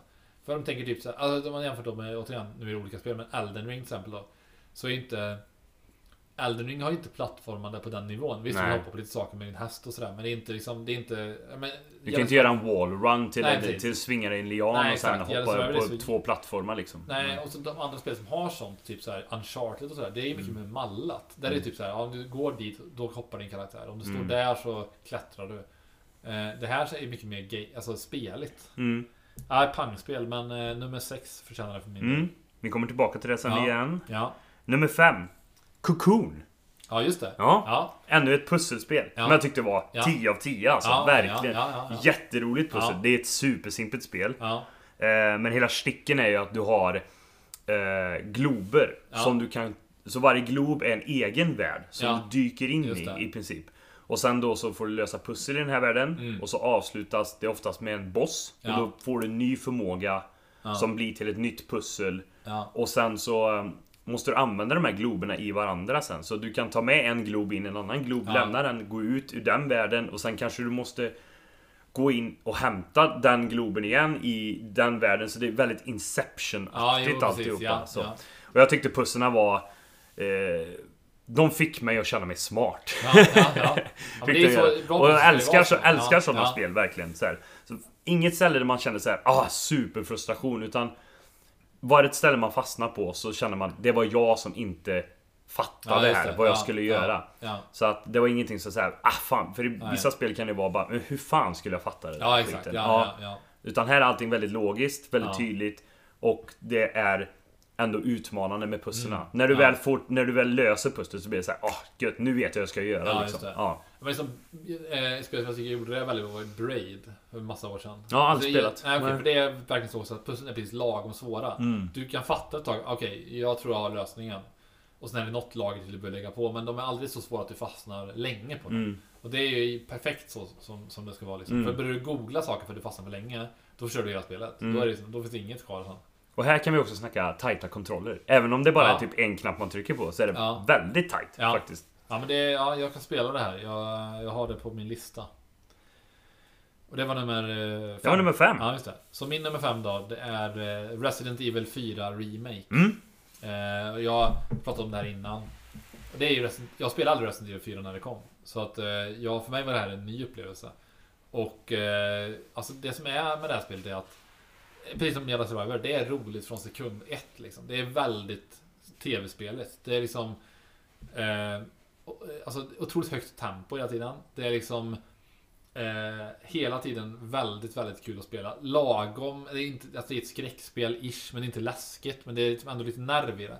Och det gör en sak bättre än något annat spel jag någonsin spelat. Och det är att det får en hela tiden känna att man precis hade tillräckligt mycket ammunition. Mm. Och det kan inte vara en slump alltså. För det var väldigt ofta så att jag hade så här. Jag hade med sista fienden hade jag ingen ammo kvar, jag fick döda dem med en kniv. Mm. Du vet, det är ofta så. Och det, sen kommer en ny scen och då är det samma sak igen. Att jag har precis slut på ammo i slutet av fighten. Så man är hela tiden så här på helspänn typ. Att man, alltså det är inget spel där man liksom lutar sig tillbaka och spelar. Utan här sitter man liksom framåtlutad och fokuserad för att det är på håret hela tiden. Men har inte de också en... eh, Det är väl en, en sån grej i det spelet som... Om det går lätt för dig så Ja. slänger de in någonting som gör det Ja, utmanande. det kanske är det. Jag vet faktiskt inte. Eh, det är fall bara liksom att jag tycker att de har det är perfekt tempo i spelet liksom, Mm. på det där Det är sättet. spännande hela tiden. Ja, spännande hela tiden. Och storyn är väl vad den är. Den är ju inte bra, men den är charmig för att den är så campy liksom. Mm. Alltså, den är otroligt töntig och Ja. som Resident Evil är. Alltså Resident Evil Village till exempel, det är som jag också tycker är jättebra. Det är också så här att det är de ena, den ena liksom eh, bossen är konstigare än den andra liksom. Mm. Det känns väldigt liksom japanskt på ett bra sätt. Eh, nej, pang, pang-spel verkligen. Så gillar man Resident Evil så är det här eh, alltså, klockrent verkligen. Det är roligt tycker jag hur, eh, hur de blandar Resident Evil ändå skräck liksom så här. Men så Ja. kommer såna fåniga grejer Ja, ibland ja, bara ja, ja. plötsligt från ingenstans. Det är ja, väldigt, väldigt japanskt, väldigt kul. Ja men lite som såhär, alltså det är långt ifrån det övrigt, men som Yakuza-spelen. Det kan Ja. vara otroligt, otroligt, jag vet inte om jag har sett den, jag kanske skickar den till dig på Instagram. Det är typ så här I'm never cut, skipping a cutscene again står det. Och då är det någon från Yakuza, då står det två personer och pratar jätteseriöst med varandra. Och så trycker han på skip cutscene. Då sitter det helt plötsligt de här Yakuza-medlemmarna i go-karts och kör. Ja. Så vad, vad hände däremellan liksom? Ja, men lite, lite så är det, inte så extremt men det är lite så i Resident Evil också. Man känner så här att det kan, det kan, eh, ingenting är uteslutet. Det kan gå åt precis vilket håll som helst liksom. Sen är det kul att de har lagt in så här saker som är Typ som en scen tidigt som är väldigt känd scen. Då är man i en by där det är extremt mycket fiender. Mm. Man kan inte döda alla utan Mm. man kan bara överleva tills någon ringer i en stadsklocka. Mm, Och då mm. stannar alla, alla zombies upp så här och börjar gå mot klockan. Och då är den scenen liksom klar då. Mm.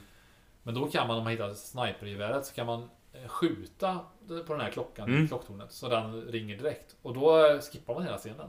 Mm. För då går alla de här bort och liksom börjar... eh, Ja, man, klar, man kommer förbi hela scenen bara att då ringer klockan. Det är väldigt immersive. Alltså det, Ja. det, det går ju att göra så. Ja, det så det så, vore ju ändå logiskt att Ja, det funkar. Liksom. Exakt, det är som att allting funkar. Alltså det är som... eh, Eh, nu kommer jag på- åter till ett annat spel, men jag spelade ett spel för några år sedan som heter Divinity Original, Original Sin Mm. 2. Då är det så också att allting du kan tänka dig funkar, kommer funka.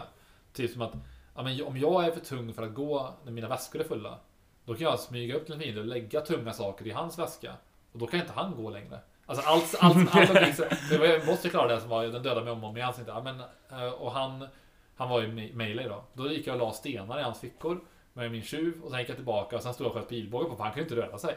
Han var för tung, så allt sånt som borde funka funkar liksom. Ja. Och han slängde inte av sig stenarna. Nej, nej, han fattade inte vad det var så han var ju bara heavily encumbered liksom. Han, att jag hade sagt Jävla roligt. Ja, det är roligt ja. För mig påminner det om eh, Metal Gear Solid 3 Snake Eater. När du kan Ja. skjuta en boss. Ja. Direkt från en cutscene så har du ett litet, litet, Ja, litet det. hål Ja, där du kan eh, döda en boss med ett snipergevär. Innan du möter bossen överhuvudtaget. precis. Ja. Ja. men lite så Det är en sån här grej liksom. Det finns fler sådana tillfällen också när du kan i samma sak i cutscene kan du kasta en granat innan cutscenen. Och sen mitt i då så sprängs bara liksom, så att, eh, det, Och det kommer vara en boss senare men då dör den tidigt. Alltså i Resident Evil. Ja. Då dör den, dör den direkt istället. Så Ja. det finns mycket sådana saker. Ja. Nej, riktigt, riktigt kul spel. Eh, så min nummer fem. Sånt är roligt. Ja. Eh, min nummer fyra då. ja. Där kommer Marvel Spider-Man 2. Oj, Ja. ja. det har du, just det, det har du spelat. Jajamän. Ja. Ja. Ja.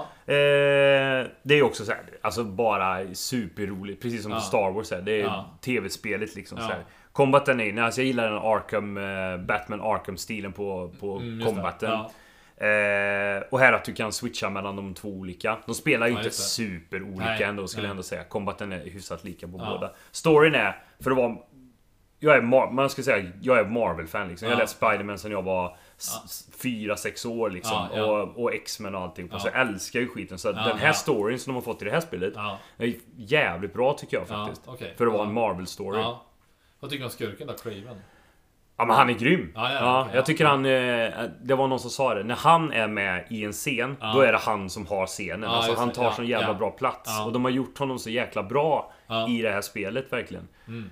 Eh, och sen är ju Venom med, det är ju ingen hemlighet heller. Nej. Och, Och han hon, ju- det var också en så här, åh shit, här, tar- här går de en liten annan väg med Ja. Venom än vad Ja. man kanske skulle tro att det Just gör. det. Så att, ja. så att det blir också en, en överraskning. Och sen så senare i spelet sen så kommer de, får man också så här, åh, här kom det här. Jag som känner till vissa delar i, ja, just det. i universat liksom. Ja. Så här, bara, shit, då får man en, eh, då får man en grej. Ja. Som jag bara, oh shit, här kom, fick jag den här grejen nu. Och då Ja. kände jag igen det. Så det blir, för mig blev det väldigt så här. De, de, de vet vilken publik de har. Ja, ändå. men det, det gör ju mycket liksom. Mm. Det, är- det, är- en sån sak som gör att till exempel eh, Final Fantasy 7 remaken för mig blir mycket starkare än en Mm. person som inte är Final Fantasy 7-fan. För att små saker de gör som passerar omärkt förbi för någon som inte är insatt i det. Mm. De är jättestora för mig. Och samma sak med Marvel då. Man liksom, eh, alltså så fort, för, för man såg liksom trailer så kom den här Venom-loggan upp till. Då fick Mm. jag typ gå, jag får typ gåshud nu. Ja. Men jag tänker på att Venom är så jävla cool skurk. ja, verkligen. Liksom. För, Spiderman överlag, om jag jämför med Batman till har lite, lite svagare skurkgalleri tycker jag. Mm. Alltså, de har några, men liksom Venom och Carnage är otroligt coola. Och Mm. allt som man gör med symbioter är otroligt coola. Alltså, han Knull till exempel, han är otroligt cool. Alltså, otroligt cool skurk. Men må många andra är lite svaga tycker jag. Så att eh, Craven var lite skeptisk, för jag gillar inte honom så mycket i serierna. Nej. Men eh, jag har hört att han ska vara bra i spelet. Mm. Så det, det, ja, det, det ligger på min lista också.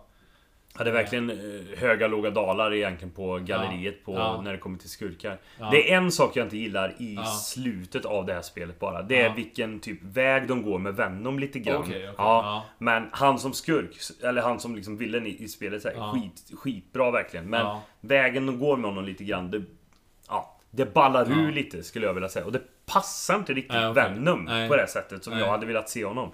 Men eh, annars toppenspel. Jättebra gameplayläge och alltihopa. Ja. Eh, sen har de här nya mekanikerna att man kan färdas väldigt fort, du kan flyga Ja, igenom. det. Använder faktiskt inte så jättemycket. Ja men det är ju instantly så va? Ja, insta- ja, ja. fast travel är verkligen... Det är, Det är två, coolt. två sekunder så är Det är coolt. liksom... Så att, det är liksom så här, den eh, Ratchet and Clank mekaniken typ. Liksom Mm. att du bara helt plötsligt är på ett annat ställe och det Mm. sker omedelbart.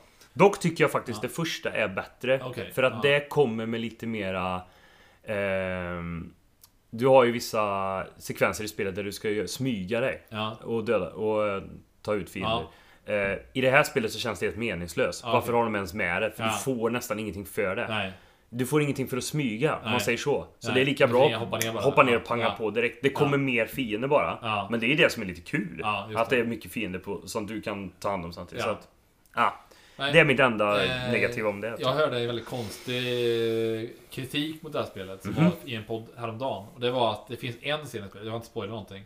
Där de upplevde att Peter Parker gaslightar em, eh, MJ. Att hon berättar om saker i deras förhållande typ. Och han är typ såhär, nej men sluta nu, du älskar mig. Du är... alltså, ja, jag har inte Tänk- det själv, jag bara, jag bara hörde det för jag tyckte det var så intressant. Jag- måste jag tänka jag om det är var- så. ja, men jag, vill inte spoila för det händer i en speciell scen. Ja, jag får kolla upp det här efteråt Ja, för det var det. jättekul Och eh, det som var roligt då, jag kan tycka att om det är så att det är medvetet så, då är det coolt för att det är klart att ett spel ska kunna Alltså det är ju coolt om de vågar liksom göra Peter Mm. Parker till lite av en liksom asshole Utan att han vet om det själv, att han är liksom så mot henne Ja. Men jag tror bara att det, det är inte meningen att det ska tolkas som att han gaslightar henne, tror inte jag Jag tror bara det är meningen att liksom Hon är, för jag kan säga så här, vi har inte spoilat, hon är inte sig själv just då Om man säger så Ja, ja, ja, Ja, okej. Ja, okej. ja, då fattar jag vad du Ja, menar. att det, men, ja, men jag hörde bara det här Mm. jag tyckte det var lite rolig kritik, jag berättade för Maja Ja, nu vet jag vad du menar faktiskt. ja. Jag, ja. Ja, i den kontexten tror jag faktiskt inte det Nej, är så vet egentligen det ska nej. uppfattas. Men Nej. jag kan se om, Ja. om det tar, tas ur sin kontext hur det kan uppfattas ja istället. precis. Så det Mm. var, den som berättade det här var ju, hon, var ju tjej då. Och hon kanske har ett annat perspektiv än vad du och jag har möjligtvis. Liksom att, alltså jag vet inte, för att hon, tyckte, hon reagerade starkt på det. Att han, han agerar så konstigt i den situationen. Jaha. Men ja. eh, så det är en ganska extrem situation utan spoila någonting. Så Ja. man ska väl inte... Kanske, jag vet, jag vet inte. Eh, kan alltså, prata måste jag- om det här efteråt, ja, det var jag får jätteintressant. Fråga en sak till. eh, Hur är menyerna? alltså, det är så jävla konstigt att Nej, jag du... tyckte... Det är så jävla konstigt att du hatar spel på grund av nej, nej, men menyerna. Miles Morales kunde jag knappt spela.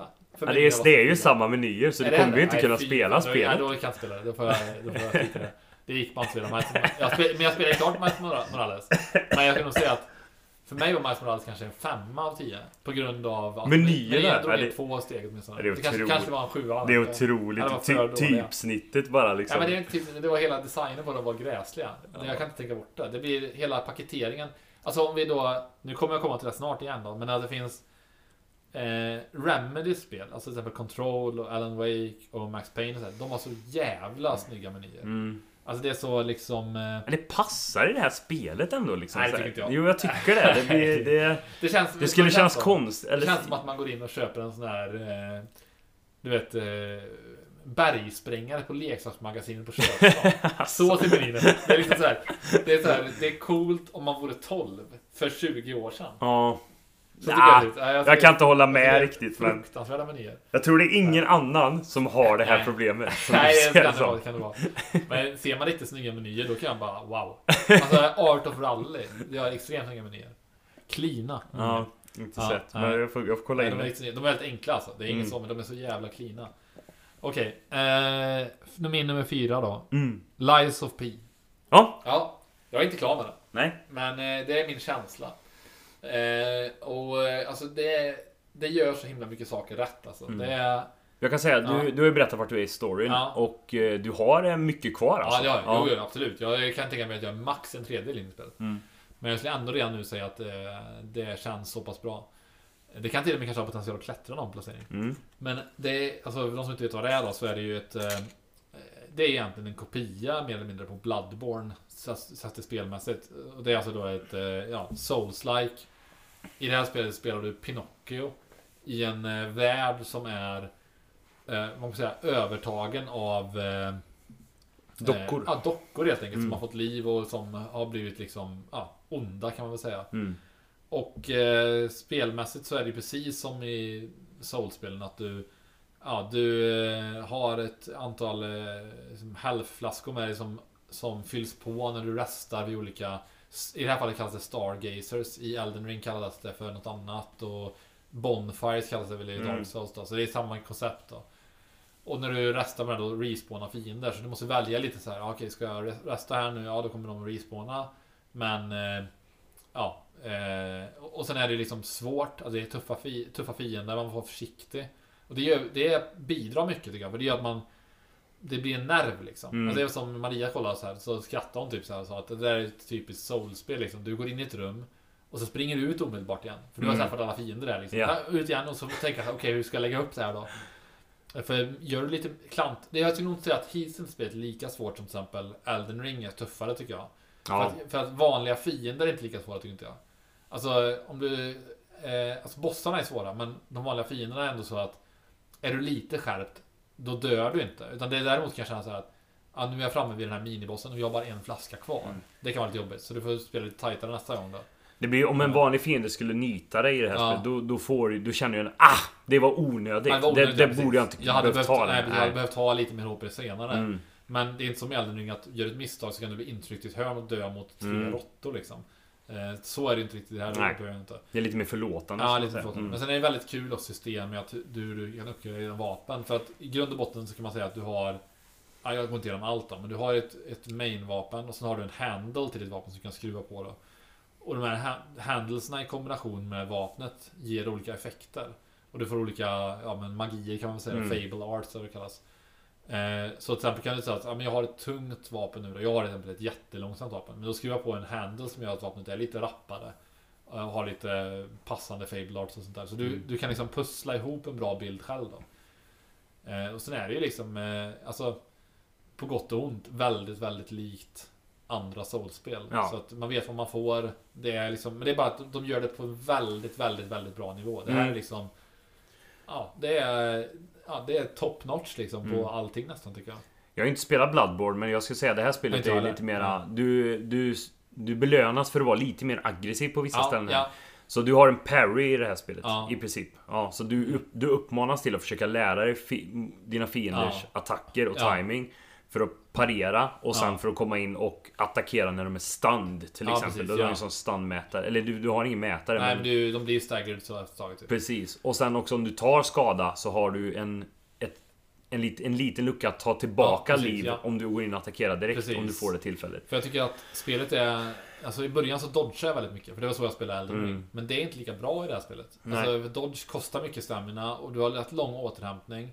Och du har väldigt lite såna här eh, fönster med så här invincibility frames. Mm. Så du måste liksom... Och vissa attacker kan du inte Nej, dodga. det kan du inte dodga. Så du måste typ... Men däremot blocken är mycket bättre. För Mm. att i och med att du kan blocka en del damage, så du blockar inte allt då. För ibland går man ju för perfect parry, men Mm. misslyckas det så är det väldigt straff, straffande. Mm. Så många gånger så kan man bara blocka vanligt. Och sen slå efteråt, så får man tillbaka det livet man blockade om man gör det tillräckligt snabbt då. Nej, du kanske spelar på det här sättet mer, för du, du Ja, spelar, du spelar lite mer... Ja, Ja, jag, jag- spelar ja. med lite mera... Min var lite mer rappare, Ja. så jag dodgade mycket i Ja, min okej, ja, spelomgång. okej, okej. Ja. ja, det var intressant att det var olika. För jag är ju tvärtom att jag blockar mycket. Och sen så slår jag väldigt hårt mycket, men jag måste ha stora fönster. För att Mm. min, den här, jag har ju den långsamma zombie-spelet nu. Det är typ en, en stor skiftnyckel. Mm. Och den är så långsam att alltså, jag kanske behöver um, två sekunder på mig. Mm. Ett fönster. Det är inte många bossar som ger det två sekunder. Så jag får ju vänta, vänta, vänta. Sen hittar jag tillfälle och då gör det ont. Då slår Mm. det jättehårt då. Och jag körde med Ja. den här stab, äh, rapiern. Ja, bara, så jag ja. kan ju gå in, jag ska ju bara in snabbt, göra två, hoppa tillbaka Ja, liksom. precis, så jag ja. var väldigt snabb in och ut så hela tiden. Ja, Ja. väldigt kul. ja väldigt kul. Väldigt, väldigt kul. För det här är min nummer tre. Ja, ja, skulle jag säga. Så vi hoppar rakt in på- Ja, ja. det, ja. Rakt in på tre. Settingen är ju underbar tycker jag. Ja, alltså ja, bara ja. storyn i sig Ja. är ju... Nu har jag ju spelat... Eh, Ja. Ja. Och nu har jag spelat färdigt spelet så jag Ja. vet ju vad som kommer ske och alltihopa. Men Mm. hela Pinocchio-settingen är ju jäkla smart alltså. Ja, ja, I, det- I den här Ja. stilen. Eh, passar väldigt bra. ja, Ja. det passar väldigt, väldigt Ja. bra. Gör det. Eh, och sen precis som spelläget, är lite mer linjärt. Liksom, jag har ju Ja, bara spelat ja. Elden Ring. Ja, det. Så jag har inte ja. spelat de andra. Men jag gillar ju att det är linjärt Ja. här. Att det Ja, bara varför finns en väg att gå. Ja. Kanske lite små vägar ibland så Ja, du kan precis. hitta vissa saker sådär. Och eh, precis som du sa det med olika handles. Så jag börjar ju med en sån rapier. Men sen satte jag ju en ganska stor, vad ska man säga, slash-svärd på den här. Men ändå med stab-funktionen. Så den Mm. blir lite långsammare. Men den blir lite starkare. Men så fick jag den den, eh, vad ska man säga, Fable of magin då, eller vad man ska Ja, säga, ja. med med den. Så att han bara ruschar in och, och slashar så. Ja, så det, blir, är- jävligt coolt att mixa de här olika prova. grejerna. Det är väl den som heter typ Blade eh, eller något sånt där. Eh, jag vet inte vad den heter. Den, ah, skitsamma. Jag har varit sugen på att prova den. Jag tror jag har den Ja. eh, handled, men jag, jag te- experimenterar lite här nu. Mm. Så jag testar, testar mig fram lite. Och jag märkte också att det finns tre typ vägar att gå. Ja, Det finns styrka, ja. teknik då som är Ja. den är lite snabbare. Och sen finns det också elemental skulle man kunna säga att den sista är. Och sen har du den här armen också. Ja, just det. det jag du kan, ja, så olika Så du kan, byta, med. Typ, ja, så du kan byta och, och använda olika former liksom. En, du får ju någon slags grapple hook. Det Ja, första du får. den är väldigt kul. Ja. Och sen får du någon eh, som är typ som en pistol nästan som skjuter. Mm. Och sen har någon som är eldkastare. Den har Precis. Just nu då. Den är ja, den Och en är, taser och lite andra grejer. Ja. Eh, det som jag också gillar med den här är att du får ganska generöst med material. Ja, Ganska mycket. Så att du Ja. behöver nästan aldrig köpa någonting. utan fi- Vanliga fiender droppar väldigt mycket grejer som du sen kan använda. ja, Och precis. det sista var att... Jo, när du eh, tagit din sista health potion. Då har du chans att bygga tillbaka precis, en till i bossfighten. Vilket gör det väldigt spännande. ja precis. Så jag bara, kan shit det jag har så lite liv kvar men jag har Ja. bara så lite kvar för att fylla på en sista och då får man en chans till och Ja, så kan du gå precis. in Så ibland kan det vara värt det så att man har inte dött man har inte förlorat tillräckligt mycket HP för att motivera att dricka en potion Mm. igen. Men om det är din sista, då kan du dricka den ändå. För då tänker du, du kan börja bygga upp min nästa igen. Precis. Så det blir lite strategi i det Mm. också. Nej, väldigt det bra. är väldigt, väldigt, väldigt Jag ser Ja. fram emot att du kommer spela färdigt det för att se vad du tycker. Ja, verkligen. Så det var min nummer fyra och din nummer tre då. Så Mm. det är min nummer tre här. Och då har jag då Street Fighter 6. Ja. Som eh, jag kommer ju fortsätta spela det här spelet. Men det är ju så här spel att sådana här spel. Jag försöker ibland tänka, ja, men, du vet, jag tänkte, jag, till exempel så testade jag Tekken 8-demot. eh, Som har kommit nu då på Playstation. Och då tänkte jag, testa det. Och då, men jag tänkte jag, jag kan spela det i lite single player då, varför i demot då. Men jag, vet, jag kan inte spela, fem minuter så tröttnar jag. Det går inte att spela sådana här spel single player tycker jag. Nej. Det, det är ingenting. Men däremot när man kör multiplayer, då kan man spela hur... Jag kan ja det är superroligt Nej, om man alltså. är tre, tre eller fyra personer, då kan jag spela Street Fighter 6 Alltså i oändlighet. Vi har ju alltså, suttit ja. i flera timmar och spelat Ja, en hel det kväll. blir så himla roligt. Mm. Och sen är det ju verkligen det här, jag tycker... För ofta när vi har spelat tv-spel innan, med fightingspel i synnerhet, då, då är det så här att man graviterar mot tecken. För Mm. att tecken är mycket mer... Eh, vem som helst kan plocka upp det och börja spela och det är roligt. För man, man fattar ganska snabbt, jaha okej nu tryckte jag fyrkant, trekant, fyrkant, då gjorde jag en kombination. Man förstår det liksom. Mm. Medan Street Fighter är väldigt... Eh, alltså, om vi tänker Street Fighter 4 till exempel, som, eh, som jag älskar, men det är ändå så här. Det är en eh, uppförsbacke att lära sig hur funkar en charge-karaktär. Mm. Och sen så ser man att folk som inte spelat mycket, de, de försöker få in en Sonic Boom typ, och det går bara inte liksom. Och då blir det inte roligt heller. För att spelet handlar inte om att göra specialattacker, det handlar om timing och det handlar om liksom att positionera sig rätt och hålla yt, ytor så att säga. Mm. Men, eh, men med det här Modern Control Scheme, det gör att vem som helst kan plocka upp det och det blir roligt direkt. För Mm. att det blir inte längre execution att göra det. Alltså, för det är, det är inte det jag tycker att fightingspel handlar om. Att så här, jag ska kunna trycka på rätt knappar. Nej, det ska vara jag ska läsa min motståndare. Jag ska liksom reagera. Det tycker jag är mycket roligare av. Mm. Så att, och själv då så är det så här, ja men jag hinner inte sätta mina jävla practice mode eller vill inte då träna kombos. Jag vill bara kunna plocka upp det och ha roligt liksom. Så jag tycker Mm. det är grymt att nu kan man plocka upp det. Man vet att man behöver inte gå in och kolla en jävla command list. Man vet att ja, men, har du en karaktär då kommer den ha en framåt trekant den är så här. Uppåt trekant är så här. Ungefär som i Smash har ju Ja, alltså med olika exakt. riktningar bara. Mm. Sen är Smash mycket, är ju väldigt djupt ändå för det finns massa saker som inte... Ja, men det har ju gjort det lättare att komma Ja. in i karaktärerna. Ja, det är lättare att komma in i karaktärerna. Och det är väldigt kul tycker jag. För det gör att vi satt och spelade Street Fighter det var roligt direkt. Mm. Då var det ju folk där som med blandad. Några hade spelat mycket Street Fighter, några hade inte spelat Street Fighter Mm. alls. Men det, det gjorde ingen. Det var en even play field Mm. så säga. Ja men ta mig själv, jag Ja. kan göra en hadoken. Ja. Det vet jag hur man gör. Men jag Ja. vet inte, jag fattar liksom inte charge-grejen riktigt. Nej. Nej. Och, och det är ju rörigt för att alltså, spelar du charge-karaktär bara för att då är det sådana saker som inte förklaras till dig. Till exempel att om du hoppar med en charge-karaktär. När du hoppar framåt. Medan du är i luften ska du omedelbart hålla eh, alltså snett nedåt bakåt i Mm. luften. För då laddar du chargen när du är i luften. Mm. Så när du landar så kan du sedan göra ett val att göra en uppåt-charge eller en framåt-charge. Mm. Typ med Honda. Men det förklaras aldrig. Eh, så det måste du bara veta. Mm. Och eh, det blir liksom väldigt stor barriär att börja spela. Då, här, ja, då kan du bara spela halva rosten. För halva rosten är kvartscirkel och halva Precis. rosten ungefär då. Mm. Så nu är det, ja, men jag tycker det är grymt verkligen. Sen så är det liksom eh, är roligt att vara med från start i det här spelet tycker jag. För att spelar du så här spel om fem år, då är det nästan överväldigande. Då finns det liksom eh, 45 karaktärer och Ja. det finns eh, eh, olika, du kan välja olika ultraattacker och då blir det för mycket att ta till sig. Så det är kul att vara med från början tycker jag. Eh, så det får vi, vi sa det innan, vi får hitta en ny eh, kväll och spela Ja, absolut. snart igen. Ja. Och snart kommer också Tekken 8, så det blir perfekt. Ja. Med båda två. Men sen kör en sån riktig Så street fighter fighting-spelkväll. Ja, precis, precis. Så det var min nummer tre då. Street. Fighter 6. Här kommer min nummer två då. Ja. Det är Remnant 2. Ja, just fan. Det har jag kvar på min lista. Ska jag spela. Det ser så jävla bra ut. Det plockade jag upp ganska nyligen. Ja. Och jag, jag blev fan, jag blev kär direkt alltså. Ja, ja. För om det är något jag gillar i spel, då är det mystik eller Ja, ja, hemligheter. ja, och ja, det, ja. det här spelet har så jäkla mycket hemligheter. Ja. Så Remnant 2 är, man kan säga, det är en Dark Souls, eller Souls-aktig Ja. shooter. Just det. Ja. Mm. Så majoriteten av spelet han, eh, använder du eh, skjutvapen i Ja. princip då. Mm. Men du har det vanliga, du har eh, Bonfires inom Ja, quotation. Eh, du har ett huvudvapen, du har en handgun. Ja. Har du. Ja. Och sen har du ett melee-vapen också. Ja. Ja. Men du har också en klass, så du kan välja mellan fyra klasser i början. Eh, Du har healer, du har eh, charger som är lite mer närgående. Du Ja. har en eh, support som du har en hund med dig Ja. till exempel. Eh, Och så finns det typ en scout då, man Ja. säger så, som ser fiender lättare och sånt där. Eh, Och de kan du levla upp under tiden. Ja. Så de levlar upp med tiden och sen varje gång du går in i en ny instans på något sätt. Ja. Om det är en lite mer öppen värld eller om det är en dungeon i de här världarna. Ja. Så kan du hitta en poäng att uppgradera med. Ja. Och det funkar alltid om du spelar med någon också. Så om du hoppar in med någon annan du spelar med Så kan du få ett uppgraderingspoäng där. Så du Ja, incentivize, liksom, du belönas för att gå med i en annan spelomgång också. Eh, så jag har ju spelat på det här själv. Jag har klarat det själv. Ja. Och så har jag spelat lite med några andra. Och det har varit superroligt varje gång. Ja. Både att spela själv, men mycket Ja. roligare att spela tillsammans med någon. Mm. Ja. Ja. För bossarna är också unika mot varandra. Och du kan spela om spelet och få en helt annan story. För det är helt random vilken värld du börjar i. I princip. Och om du har hamnat, och säg att du hamnar i samma värld två gånger. Då är Ja. det inte säkert att det är samma story två gånger i den här Ja, världen. Ja. Utan det är olika. Okej. Ja. Det ser väldigt roligt Ja. alltså. Ja. Ja. Jag, är, jag är sugen på det som tusan alltså. Jag tycker det ser jättebra ut. Jag har bara dratt mig på, för det för att Dels då så hade jag någon för, ja jag kanske ska spela co med Maria. Men det tror jag, det kommer jag inte gå att få till. Alltså det är Nej. svårt rent praktiskt att, få till det. Och sen har det varit så här, men nu spelar jag single player, ja men det kanske ska göra. Men sen, har- sen har det liksom bara, vet, sprungit. Och det är ju ganska Mm. långt, är det inte det?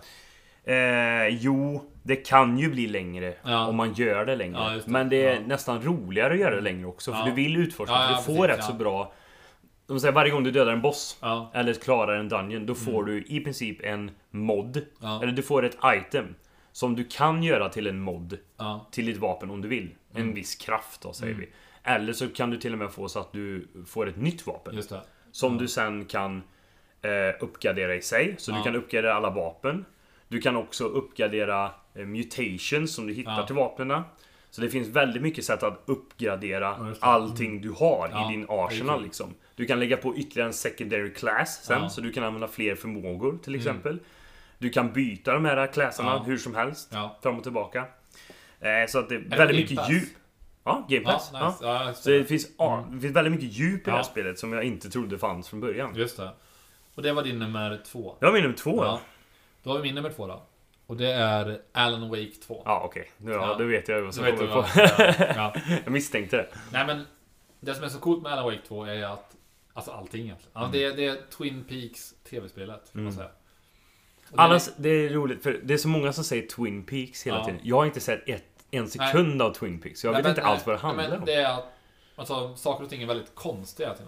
Alltså man tänker det är, Alan Wake gör två saker väldigt bra tycker jag. Dels att det är konstigt, och det behöver inte vara bra, men det är bra i det här fallet.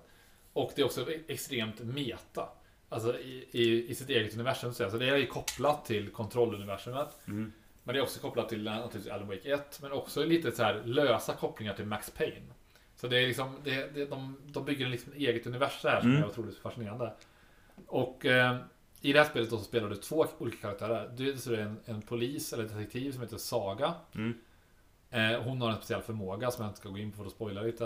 Eh, men hon då undersöker liksom ett, ett, eh, mord, en mordgåta kan man säga som utspelar sig. Som är, man märker snabbt att det är ganska så, ockulta saker inblandade. Det är liksom en, en sekt som är väldigt märklig och sådär. Och det har i sin tur att göra med Alan Wake då, som är, han är i någon konstig psykos kan man säga. Så han, han är liksom istället där han, han är en gammal eh, skräckförfattare. Mm. Och saker han har skrivit liksom har kommit att bli verklighet. Så, så han, han vet inte längre vad som är verklighet och vad som är hans egen fiktion. Typ, mm. Och han hamnar i så konstiga situationer för han Han kan liksom I en del av spelet är att man kan komma till en scen och så kan man inte komma vidare. Men då kan man skriva om scenen. Eller man kan ta ett annat manuskript ungefär. Och då ändras saker i scenen. Typ att Mm. då är det en tåg, tågvagn står i vägen. Men sen så ändrar du scen och då är det tågvagnen borta. Så du kan gå vidare. Mhm. Och det blir lite så här flippigt att du kan liksom hålla på och växla mellan det här. Och när du spelar som Saga då, då kan du istället eh, liksom hit, vara på en scen och så kan du dra slutsatser i det här. Och då kan du ta dig tillbaka till en typ stuga där du sätter upp eh, olika ledtrådar på sånt här du vet, klassiskt board liksom. Mm. Och så börjar pussla ihop, ja, hur hänger det här ihop egentligen? Sen när du har kommit en ny insikt, då kan du göra något nytt då på det stället. Mm. Så det är så här jävla häftig liksom eh, sätt att bygga upp världen på. Mm. Och spelet är väl lite skräckigt kanske, men det är inte Mm. läskigt någon gång egentligen. Mer stämningsfullt eller? Stämningsfullt För Control var ju Ja. otroligt bra stämning. Ja, men det här är också extremt bra stämning. Och sen kan du växla med de här olika karaktärerna mellan kapitel, så du kan välja liksom vilken ordning du kan spela spelet. Du kan spela alla Alan Wakes kapitel först om du vill. Mm. och alla Sagas, eller så kan du växla mellan eh, allt eftersom du vill då. Mm. Och jag rekommenderar att man gör det, att man växlar lite eh, mellan varje kapitel. Och sen är det så här scener som är helt totalt utflippade alltså. Typ som en scen tidigt, och fast med här trailers på det här satt lite av det här. Mm. Men det, alltså, det finns scener där eh, till exempel en scen tidigt i spelet där Alan Wake han är jätteförvirrad och då är det inte längre en, en eh, liksom, datorspels Alan Wake utan då är det en skådespelare. Alltså du vet, det är som att ja, men, alltså, Är det film, Det är en film ja. Ja. Precis. Och då är Alan Wake i någon sån här eh, studio. De spelar in sån här vet, typ talkshow. Typ så här late night show. Typ Jimmy Kimmel eller liknande. Vet, eller David Letterman. Du vet, Mm. Sån här studio. Och så innan han intervjuas om sin bok. Och han är helt såhär. "Ah, eh, Jag fattar ingenting. Och han, han är liksom eh, eh, och den här talkshow-hosten tror att Alan Wake gör sig till. Att han är så här, men han är ju bara jätteförvirrad. Hur fan hamnar jag här liksom? Mm. Han, är, han är helt liksom bortkopplad Alan Wake. Och sen är- kommer han den här, en, en för Alan Wake har skrivit en bokserie innan som handlar om en detektiv som heter Casey Jones. Som väldigt uppenbarligen är Max Payne. Mm. Och det som är roligt då är som jag säger meta. att Den här skådespelaren då som spelar Casey Jones karaktär i det är VDn för spelutvecklaren som gör Alan Wake. Ja. Sam Lake som heter då. Men det är väl Ja. också Max Paynes ansikte? Ja exakt. För Ja. i, Max Payne 2, eller Max Payne 1 menar jag, så var, var ju ett väldigt eh, Det var ett väldigt eh, typ lågbudgetspel. Så att det gjorde typ, de var lite så här, ja men vi behöver ha en face caption. Ja men vi tar Sam Lake då som VD, så gjorde han en löjlig min. Och det blev Mm. ansiktet på Max Payne. Och när de spelade in, för det eh, hoppar lite, men i Max Payne 1 då så är det ju ställen som är italienska maffian typ. Och de hade ingen som kunde göra italiensk voice acting eh, i du vet, det här finska studion. Mm. Men då hade de beställt pizza. Och då var pizzeri, pizzagubben som han som levererade pizzan var italienare som bara Kan vi låna det lite? Nej! Så fick han göra rösterna till och med italienska. Så Ja, det, fan vad är- sju- vad det är väldigt sjukt. liksom så här låg budget men de har pusslat ihop det liksom. Och nu Ja. är de en jättestor studio. Men det är så kul att då har de med han den här Sam Lake sitter i den här studion i den här du vet, och han gör till och med det här Max Payne-ansiktet mot skärmen så här. det, är så, det är så jävla liksom eh, Alltså eh, Inflätat alltihop. Mm. Och storyn är jättebra och den är liksom komplicerad men ändå liksom hela tiden väldigt, väldigt eh, indragande. Så att eh, det är liksom ett eh, riktigt pangspel. Det enda som jag har lite, lite negativt mot det, det är att jag tycker att combaten egentligen inte är särskilt rolig. Alltså det är mycket Mm. så här, man lyser på en ficklampa och när du lyser på dem tillräckligt länge då kan du bara skjuta dem med en pistol. Mm. Men den delen är inte roligt. Så att man kan mer se spelet som att Det låter som Luigi's Mansion typ. Ja, ja, ja precis. Men det är så att, och en största utmaningen är typ om man slut batteri till ficklampan. Det är typ Mm. det jobbigaste som, kan, som kan hända. Så den delen är inte jätterolig egentligen. Men allt annat är så himla bra så att det, det väger upp för det. Mm. Det är Ja, min nummer två då. det är ett garanterat spel man ska spela i år. Alltså. Ja, Mm. Ja, nu vet jag vad din nummer ett är. ja. Eh, Jag har din nummer ett också. ja. Ja, ja, det är ju Star Wars Jedi Survivor. ja, Ja. Och det har vi redan pratat om. Det är ju ett Ja. game ass spel liksom, som vi pratade om förut. Från start 1, superroligt, hela vägen igenom. Ja. Jag tycker storyn faktiskt är jävligt bra. Det är svårt att toppa det första spelet, det är ju det. I alla fall i slutet. ja, Men jag tycker om den eh, Det som sker i slutet. Det, var, det kom som en överraskning ändå.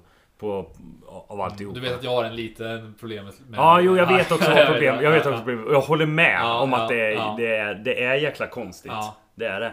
Eh, men eh, allt som allt så tycker jag det är... Eh, combaten är jävligt rolig. Ja. Karaktärerna är minnesvärda och roliga. Nu tänker på han, vad heter han? Skova. Till exempel. just just Och, och alla andra karaktärer som man träffar på. ja. Eh, Metrovania-aktiga. Att det är en öppen värld, men den är ändå utgrenad. Ja. Vad ska man säga? Du Ja. har en öppen värld som är din, lite större, men sen så går du ut i gångar som inte leder så mycket annat än det. Ja. Och det gillar jag, för Ja. att det blir liksom inte det här... Ja, det blir inte den där fatigen som man Nej, kanske känner Nej, med öppna blir, det världar. blir inte för stort liksom. Nej, men ändå så pass stort att man kan utforska och hitta roliga grejer. Absolut. Liksom. Eh, ja, sen är det ju Star Wars så det är kul att svinga runt lightsabers. Så jag tycker det är roligt hur de har gått in för de olika stilarna. Ja, man kan ha ja, också. Jag spelar ja. nästan bara med blaster och, eh, och svärd hela spelet igenom. Det är lite roligt för att precis som i Lies of P då. Så då alltså, eh, den är ju också lite så här pokig. Eh, typ att du liksom, Ja. Och jag spelar precis som i Lies of P med det största vapnet. Jajamän, jajamän. Men jag, jag, Ja. jag föredrar alltid i spel att vara snabb framför att vara långsam. För om det går långsamt. Då blir jag så frustrerad bara om jag inte lyckas med slagen här. Så jag vill gärna se att jag gör Ja. skada på Ja. någonting successivt hela tiden än en stor andel skada med en gång. Jag, jag tycker precis tvärtom i det här. För Ja. jag, jag gillar så här. Alltså min logik egentligen med att jag håller den stora sabern i, i i alla Survivor var att det tyckte jag den här, den här dubbelpipiga så att säga. Den Mm. tyckte jag var för bra. Alltså den var tråkigt bra. Mm. Alltså man bara mejar ner vad som helst med den känns som. Mm. Så då tänkte jag, men jag, då vill jag köra den här. Och singelsabern har jag kört så mycket i första spelet. Mm. Så tänkte jag, ja men och, och Blaster låser upp ganska sent för mig. Mm. Eh, så då tänkte- jag för den här stora, långsamma. Och tänkte så här, ja men om, om jag tänkte så här, att om jag lär mig spela med den långsamma, då måste jag vara då måste jag vara tålmodig. Mm. Och då, då kan jag tänka så här, men då blir jag bra på att klara bossen med långsamt vapen. Ja, du satte ett hinder på dig själv Ja, kan man precis, nästan precis, säga. kan man säga. Men sen är det ju bra för den, det gör ju väldigt ont. Så jag behöver Ja. bara, om man säger så här, jag behöver bara lyckas. Om du behöver lyckas eh, 40 gånger så behöver jag bara lyckas 15 gånger. ja, För att mitt vapen tar mycket mer skada. precis. Men det är svårare att lyckas varje enskild gång Mm. på något sätt liksom. Och så gillar jag också komben att ha den eh, distansen, att du kan skada från distans med Ja. blasten också. Ja just det, ja det är nice. Ja. Sen tog det lång tid för mig att fatta typ att aha, du kan göra ett svärd, en blaster, svärd, en blaster. De går ihop i kombon. Okej. Ja, ja. Så du behöver inte bara slå med Nej, svärd. Ja. sen backa skjuta. Utan Nej. du kan kombinera de två in i samma Ja, kombo. det är coolt. Ja, då gjorde Ja. det mycket coolare direkt. Ja, Eh, vad tänkte jag på mer? Och något som jag gillar också att man har allting som start, du har ja. från start. Ja. Som du skaffade i det förra spelet. Ja. Vilket inte många spel också gör. nej. De är ju såhär, ah nu slår han i huvudet och tappar alla... glömt allting. Ja, glömt allting man har gjort det tidigare. Mm, Typiskt, eh, vad heter det, Metroid är ju alltid så. precis. Ja. Du börjar från noll alltid. Ja. Vilket är så här, och det är ju logiskt. Det är logiskt. Att man ändå gör, att man ändå kommer ihåg allting. Och så bygger de på det istället. Mm. Så Ja. det ska bli spännande att se, för det kommer ju bli en 3D, det vet man ju. Ja, ja, verkligen. Eh, det ska bli se var, vart de går härnäst. Och hur de utvecklar det även. Och jag tycker att det här är Det här och det första, hela Fallen Order då. Det är det bästa Star Wars någonsin har varit. Ja. Alltså oavsett media. Mm. Jag tycker det är på den nivån. Det är väldigt, väldigt, väldigt Mm. bra. Verkligen. Eh, ja. Alright. Min nummer ett då. Ja. Till Surprise. ingens överraskning. Är ju då, och det här kan jag säga så här. Jag satt, listan, var, listan var svår att göra. Jag satt länge liksom så här och tänkte. Vem ska vara där? Vem ska vara där? Eller vilket spel ska vara där? Men ettan var alltid solklar. Det, det är liksom, för mig är det så här. Det här är liksom listan. Tvåan, allt det där.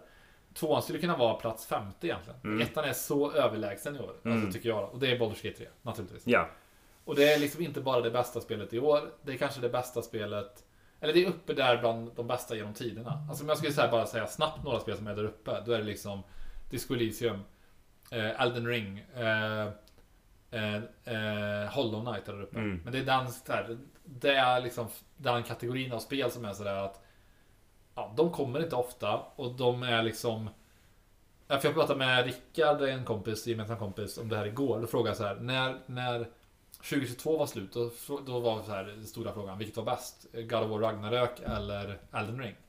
Och då vet jag att då sa många då God of War Ragnar- Ragnarök. Men när jag frågade Rickard nu igår då, då sa han Elden Ring mycket bättre. För att när det är jazztid så har man liksom, för att man blir lite pådrag, ja, man blir lite lurad, inte lurad, men man blir lite i affekt där och då när man har plötsligt så stark story. Mm. Men jag tycker Elden Ring är något annat. Och, och Baldur's Gate 3 Det är liksom så här. Alltså det finns ett före och ett efter Baldur's Gate 3 ja, men det känns inte så. Det är så här. Allting i spelet är otroligt bra. Alltså det är den bästa voice actingen i något spel någonsin skulle jag säga. Och det är också otroligt mycket, alltså det är, det, det är ofattbart hur man har kunnat producera det här spelet. För det är så mycket rörliga delar. Det är så mycket saker som man kan du vet, göra olika val i som ger helt andra utfall. Eh, och allting, alltså Det finns ju sidequests och sånt. Men typiskt sidequest-spel är ju att en del är bra, en del är dåliga. Typ så här. Här, alla sidequest i spelet är lika bra som en main story i vilket spel som helst. Det är otroligt eh, välgjorda karaktärer, otroligt liksom intressanta stories. Alla dina kompanjoner har ju sina egna stories som sträcker sig över liksom hela spelet egentligen, från början till slutet. Eh, med saker som händer och sådär. Och du kan liksom interagera med karaktärerna på olika sätt så de kan bli liksom vänskapliga med dig. Eller kan, du, kan, ja, du kan till och med ligga, ligga med dem. och som Maria, för jag spelade det här spelet, första gången jag spelade det här spelet, då tog, det- eller jag har spelat en gång, då tog det 125 timmar att spela igenom det. Och jag gillar inte långa spel överlag, alltså jag gillar Mm. att spela korta. Men det här spelet är inte för långt. Det är lustigt Det hur, är det där, liksom- hur det där Ja, det för att artar sig ibland. Om man man vill ha korta. eh, ja, men, om man tänker de här 57 timmarna jag spelar Zelda. Då var det väldigt mycket liksom dödtid. Jag springer dit, jag gör det här. Att i det här är det tvärtom. Att världen i Baldur's Gate är mycket, mycket mindre än den i Zelda. Men här är liksom alla du pratar med har saker att säga och som leder till saker. Och går du ner i en grotta, då kan du hitta, du vet, någon magisk spegel. Men som du bara kan använda om du är en viss typ av karaktär och klarar liksom ett dice roll. Och då kommer du till ett helt nytt ställe som du aldrig hade kunnat upptäcka innan. Alltså men som till exempel, jag tror jag beskrev det i podden innan. Det finns någon scen där du är på cirkus. Du träffar en bedragare typ som har ett så här fejkat circus wheel, wheel Mm. typ, eller så här lotteri-wheel menar jag.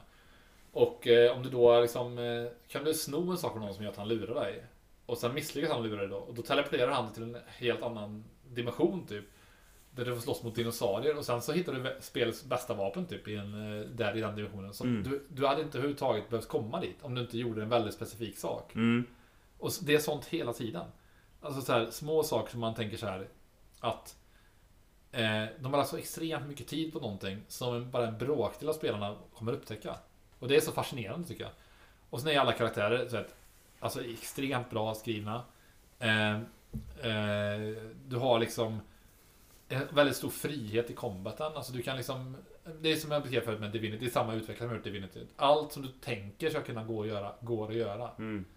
Eh, och eh, sen fick jag ju nöjet att när jag spelade klart det här spelet eh, så sp- spelar Maria det, så jag fick ju se henne spela det. Och hennes spelomgång är helt olika. Mm. Hon började ändå med samma klass som mig och liksom började för att hon var, ah, hur ska man göra då? För att jag var lite rädd att, att hon skulle tappa det i början för det är ju Det är väl en nackdel spelet har att det är otroligt overwhelming i början. Ja. För du har liksom, du vet det är inte så att du börjar i spelet så har du så en attack. Utan du har liksom kanske du har 30 olika valmöjligheter. Mm. I din första, första fight. Ja. Det är så jävla mycket att komma in i. Jag spelat D&D en gång Ja. och det var det jag kände att jag, Ja. jag som inte vet någonting Nej, eller precis. kan någonting. Jag fattar ju inget liksom. Nej men det är mycket sånt, och det förklaras inte så här. Men, men ett vapen har 2D6. Ja, vad innebär det då? Ja men då är det två tärningsrullar med tärning som går upp till 6. Mm. Det avgör din damage då. Så det, det, det finns en logik i det, men du måste fatta det först innan du kan liksom börja njuta av det så att säga. Mm. Men Maria, som inte hade spelat något sånt spel innan, hon var ändå så här. Alltså efter en timme så var hon ju hooked. Mm. Och en sak som spelet gör som inte många spel hade, det är att det har en, liksom en na- narrator med hela tiden. Alltså en berättarröst. Eh, som typ är väldigt, väldigt, väldigt... Eh, alltså jag vill att hon ska viska saker i mitt öra hela tiden. Jag vill ha en egen sån. Hon är så jävla bra den här berättaren. Men hon kan säga så här typ, om du har gjort någonting tidigare i spelet, och så kommer du till stället, sen så märker du att oh fuck. Det här hände, det hade jag kunnat lista ut liksom att jag gjorde något dumt. Då kan hon säga så här. Well, well, well, if it isn't the consequences of your own actions. Så då ska hon liksom kommentera det så här. Lite, lite snäsig Ja, lite snäsig så här. Och hon Ja. kan liksom... Så det, det bidrar. Det, hon känns som att hon liksom är en sagoberättare som berättar liksom lite eh, runt omkring det som händer. Ja, det kom en snöboll på Ja, rutan. det var min bror som Ja. jävlas med mig. Han bor granne med mig. Ja, jag blev lite rädd. Jag riktigt. Eh, nej, men så att det är bara rakt igenom otroligt, eh, otroligt välgjort och bra. Och när man säger Maria spelar då så, så händer saker som är helt olika jag hände.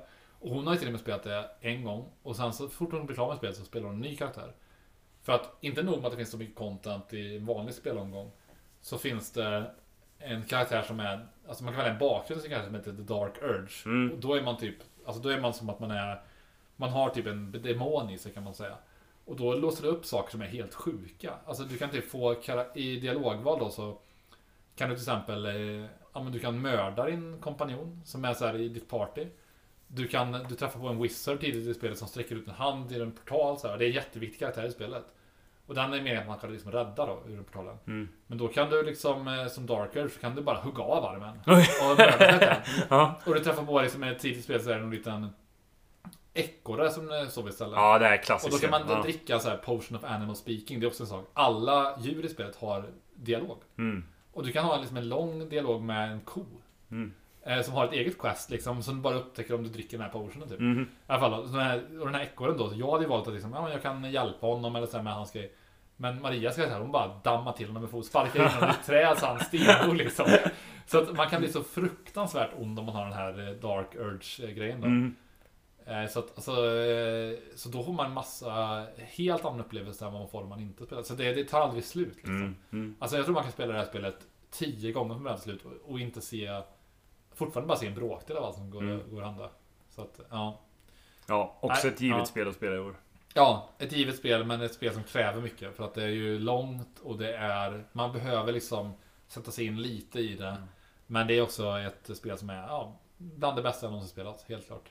Men om man, eh, om man klarar att spela Disco Elysium, vilket är mycket dialog Ja, ja, på, ja, då kommer man klara det här spelet med dialog. Ja, det får man göra. Och combaten är också där, typ i början är det lite ologiskt, man fattar hur funkar det här egentligen? Ja. Och sen när man börjar greppa det, då är det väldigt givande, för man Det blir som ett pussel, var- varenda fight blir som ett pussel, man tänker så här.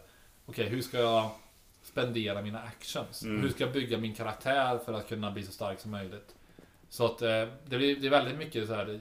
Det, man kan ju respecka alla karaktärer och, och göra dem till andra. Så då kan man till exempel Det finns ju vissa klasser som är väldigt svaga i början av spelet. Men med rätt, rätt gear blir de otroligt starka. Mm. Så jag hade till exempel en munk då som är, de är svaga i början av spelet. Men de kan bli otroligt starka i slutet av spelet om man har rätt items. Eh, så det är väldigt kul att plocka ihop olika klasser och sånt där. Mm. Så att, eh, ja, det... Och det, bossfighterna i spelet är eh, otroliga. Helt Mm. otroliga bossfighter. Ja, det, Ja. det har varit en eh, fröjd typ att bara titta på och lyssna Ja. på en del av de här. Det är nästan så att jag vill inte veta mer Nej, utav nej, spelet. nej, för jag vill inte få så Ja. mycket spoilat själv. Men man är ju, det är ju svårt att undvika när Ja. alla pratar om det. Ja, liksom, ja, du fick ja. Game of the Year och hela den biten. Ja, så det, det är ett mästerverk. det är... Ja. Det är, det är nog det, det tråkigaste biten med att så här, vänta på Ja. att spela ett spel. Ja, Att man får så mycket spoilat Ja, egentligen. ja precis. Ja. Och eh, ja, men jag- det, det som jag känner lite sorgligt är att jag tror det kommer dröja många år innan man ser ett sånt här spel igen. Mm. För att det, tänk som spelutvecklare tänka så här. Vad fan gör vi nu? Alltså ska vi göra ett, om man gör ett liknande spel, ska vi göra ett CRPG som den här genren kallas. Då benchas man mot liksom Baldur's Gate 3 Ja. som har en budget som verkar vara oändlig alltså. Mm. För att hur kan man annars motivera att göra så här? Alltså, varför ska vi motivera att skriva dialog åt alla djur i spelet och voicea dem? Och alltså, det har jag inte ens gått in på, men att man kan också prata med alla döda karaktärer. Så kan du dricka en potion of, an, eh, of eh, speak with undead, eller vad den heter. Mm. Så kan du prata med alla döda. Alltså karaktärer du själv dödar kan du prata med. Mhm. Och ha, så har de massa unika dialogval och sådär. Och De är också så här, de vill inte prata med dig om det var du som slog ihjäl dem. För de är sura på dig. Mm. Så när de pratar med dem med en annan karaktär så har de en helt annan dialog då. Så att, va, tänk dig bara själv så här. Ja, idag ska vi skriva dialog och voicea dialog och hyra in skådisar till någonting som eh, en promille av spelarna kommer upptäcka. Mm. Det känns, alltså, det är sagt oändlig budget alltså. För att Mm. annars skulle man aldrig kunna få igenom det beslutet. Ja, det är intressant Ja, ja. faktiskt. Otroligt, otroligt spel. Det är min nummer ett. Ja, Ja, vi det var ju Ja. ändå rappt Ja, igenom det här. Ja, förhållandevis ändå. Eh, så att, eh, ja. Bra, extremt bra år. Verkligen. Alltså det är helt sjukt om man tänker att ett år där eh, ett spel som Zel- Zelda the Kingdom, även på min lista som är lite kritisk, hamnar på plats nummer 16. Mm. Det säger en del om året. Ja, Och verkligen. även för dig då, nummer 6. Ja. Alltså det är sjukt. Det ska vara ett sånt spel som är uppe i toppen såklart, i van, ett vanligt år. Mm. Men eh, inte i år. Vi pratade lite om det innan vi skulle dra igenom lite titlar för nästa, Ja. men eh, jag tror vi skippar det va? Det Ja, vi tar kan för lång tid. Vi kan spara, vi på, det. på det. Det finns ja. några som man är sugen på. Ja. såklart. Ja, det var skoj. Där har vi det. Ja. Då, eh, ja. Eh, on to the next year säger jag, 2024. Ja. Tack och hej. Tack och hej.